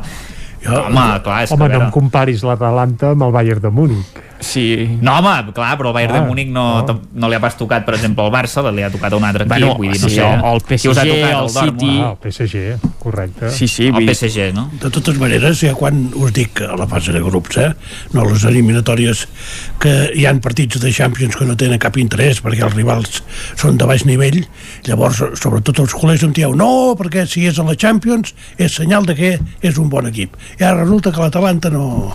Bueno, jo eh, dic dins el context de la Champions... Ah, no, ja, ja, esclar, si ho dins, compares amb el Bayern, òbviament, dins els molt bons equips hi ha nivells eh, i, i, i els equips aconsegueixen la classificació per a la Champions la temporada anterior i llavors en el moment en què juguen la següent temporada, sobretot aquests equips que potser no tenen l'entitat dels grans clubs europeus, la majoria de vegades es troben que, que els hi llimen les plantilles o que la dinàmica no és la mateixa que l'altra que l'any eh, anterior. I jo crec que l'Atalanta és un dels casos. Ara, és, ara veig que és setè a la, Setè, a la sèrie sí. italiana. Mm, per tant estaríem parlant d'un equip Villarreal aquí, un... Sí, i el Madrid jo crec que ha de ser capaç de competir i jo, jo no el posaria ni al nivell del Villarreal, eh? jo crec que el Villarreal estaria per sobre en aquest, en, aquest, en aquest sentit. Jo crec que el Madrid a la Champions ha de passar i ha de passar bé. Uh, sí que seria un, un fracàs impressionant no passar aquesta ronda. No, no, no, no, no, no, és molt complicada la Champions. Jo trobo que si es queda eliminat tot pot passar, eh? Vull dir, no, no posem pressió al Madrid. És que us agrada, eh? Furgant la ferida i, i, i veure que tot és un fracàs i, i d'això, si no, home, no, tranquils. L'ambició, Isaac, veig que està sota mínims, Sí, eh? no, Perquè... uh, és el, Mad- que estem parlant del Madrid, Isaac, no? En teoria ha d'aspirar tot, aquest equip, sempre. Sí, però ara, ara s'ha d'anar amb, uh, peus amb de perfil plom, baix i, i després ja quan, quan comencem a guanyar ja, ja es traurà pit. S'ha de treure pit quan es vagi davant. No, Ara que no es va davant no es pot treure pit, perquè és Clar. que si no... És que li queda... Home, li això queda... no, és, no és una... Vaja, anava a dir, no és gaire... No, no, Sí, no, no, no no. sona gaire... que tingueu l'autoestima gaire forta en aquest sentit, eh, diguem-ne. Ara, ara mateix no, perquè clar, és que ja t'ho dic, és que som 12 a l'equip, és que, és que estic a punt de jugar jo fins i tot, Ah, pràcticament. però, Vull però dir, és que el, el Castilla, bé, escolta, bé que té gent, no? Sí, bé, però, però perden cada setmana també gairebé, que tampoc no, tampoc no ens en podem fiar gaire. Sembla el Barça bé, també. Sí. Sí, sí, sí, sí. Fins i tot l'Andorra el guanya ja, eh? No sé, Andorra de no per sé com cert, va, que eh? ahir en Piqué era a les grades també seguint aquest... Però vaja, això seria un altre... No, la pregunta és en qui anava en Piqué i Home, i... qui volies que guanyés? Que... Oh, Clarament. Home, Ell, ell... no en tinc gaires dubtes, però bé, cadascú que pensi el que vulgui. Ostres, jo crec que ell, quan està a segona B, jo crec que vol que guanyi l'Andorra, perquè és el seu, el seu club i és on li van els calés i segurament el projecte eh, li faria un gir brutal si aconseguís pujar a la Lliga de Futbol Professional. Jo crec que això és, Oi, és si així. la Torre puja primera, què farà? En, en Piqué serà. Ja estarà retirat, Barça. quan Sí. arribi primera ja Fitxarà haurà per l'Andorra. plegat. Fitxarà per l'Andorra. Ho té tot. Clar, home, No, no. està tot Es pensat. fitxarà Per cert, que no ho hem dit, Exacte. però l'entrenador de l'Andorra ara mateix és Sí. el Saràbia, el segon de, Sí. del, bé, del fins fa uns quants Setién, mesos no? entrenador del Barça, el Quique Setién. Això sí que és sorprenent, perquè el mateix Piqué el va anar a pescar Uh, i tot el que es havia dit la temporada passada, sobretot del segon del Quique Setién, doncs goita, almenys el Piqué segur que li feia el pes, perquè Però si no, se- segons a ell- no li hagués pas situat. Sí, segons diu el mateix Saràbia, el va fitxar mm. el dia de, de, de Lisboa, eh? El dia del 8 a 2. Doncs... Això ho diu Piqué, eh? Ah, no, el Saràbia, perdó. Sí, Aquell dia crec va- que no ho ha dit això, però, però vaja. No, no, mm, les, Doncs. les declaracions les va, les va fer així. Que, I per cert, va debutar, va debutar el Saràbia guanyant a l'Espanyol bé, eh? Sí, I llavors va guanyar el Barça bé. Sí, Sí, sí, però primer a l'Espanyol, eh? Sí, és un, un moviment que per la gent que segueix la, la segona B um, expliquen que costa d'entendre perquè al capdavant del projecte de l'Andorra hi havia un entrenador com Nacho Castro, un tècnic que havia picat molta pedra en categories uh, regionals, primera catalana, tercera divisió, eh, amb bons resultats, amb una metodologia de joc també interessant, que se li dona al projecte de, de l'Andorra, que ho estava fent bé perquè els resultats eren els que s'esperaven, estar a la part alta de la classificació quan encara queden eh, força jornades i que d'un dia per l'altre se li diu eh, quedes eh, fora del projecte i arriba un nom mediàtic com, com Saràbia mm, difícil d'entendre i jo crec que fins i tot moviment lleig no? eh, en aquesta carrera que se li intueix a Gerard Piqué com a dirigent del futbol professional i molta gent també el situa com a futur president del Barça mm, Sí. fer aquestes coses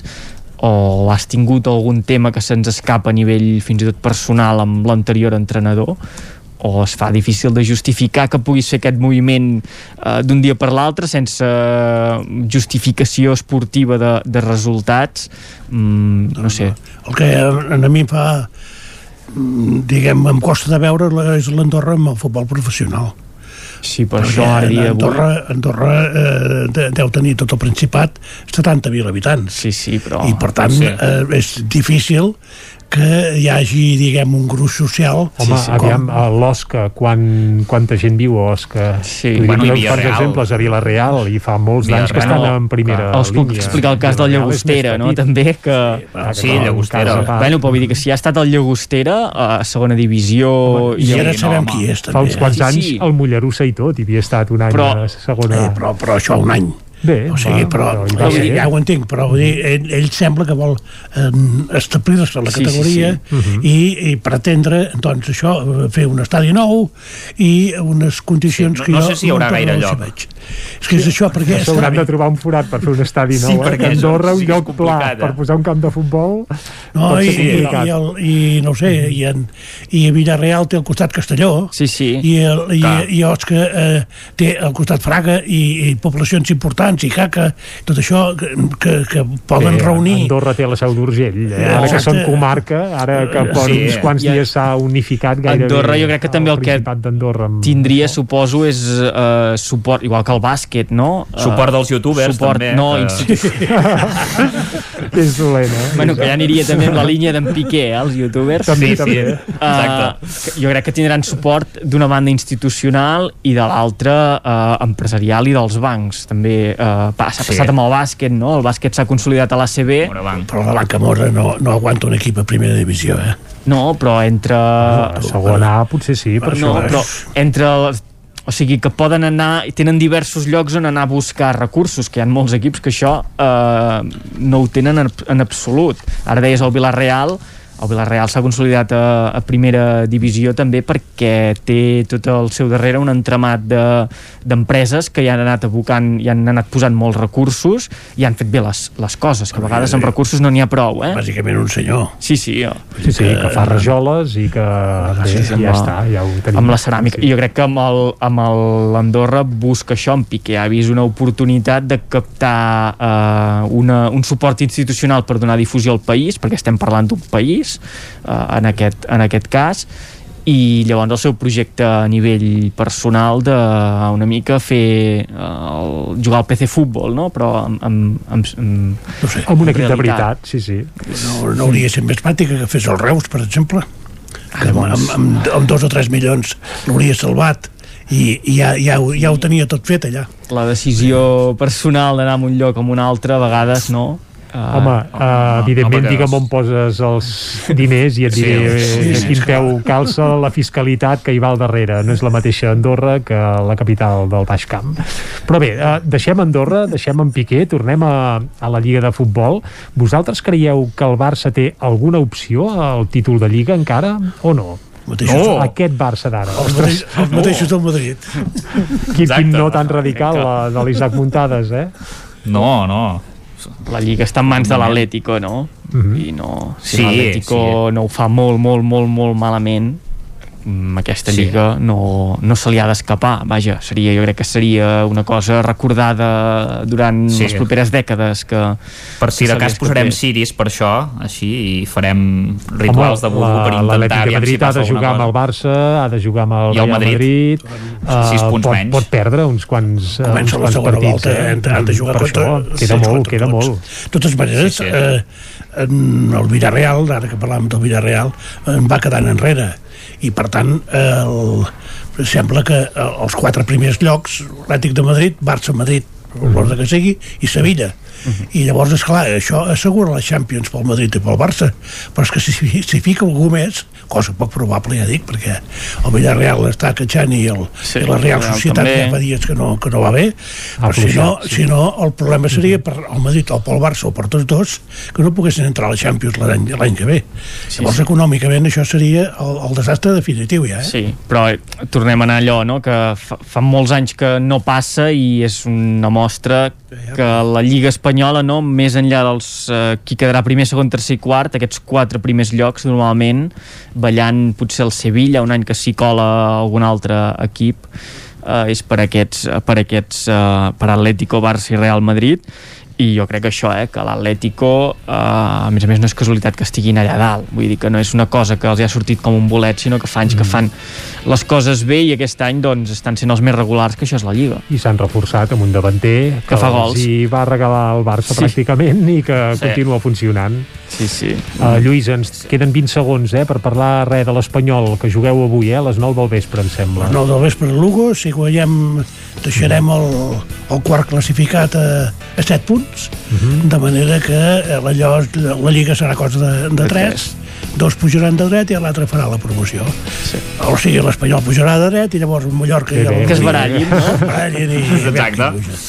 Uh, Lluís de Planell, uh, Guillem Freixa, Isaac Muntades, moltes gràcies per ser una setmana més aquí a la tertúlia del temps, vaja, no del temps afegit, del territori 17, a la del temps afegit, ara m'he al cap seria una altra cosa. Gràcies a tots i al territori 17 anem ja per tancar el dia d'avui.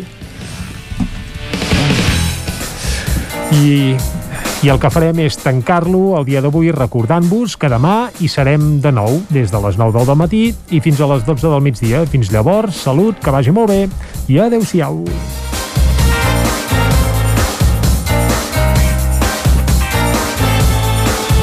Territori 17, un magazín del nou FM. La veu de Sant Joan Ona Codinenca i Ràdio Cardedeu amb el suport de la xarxa. El nou FM.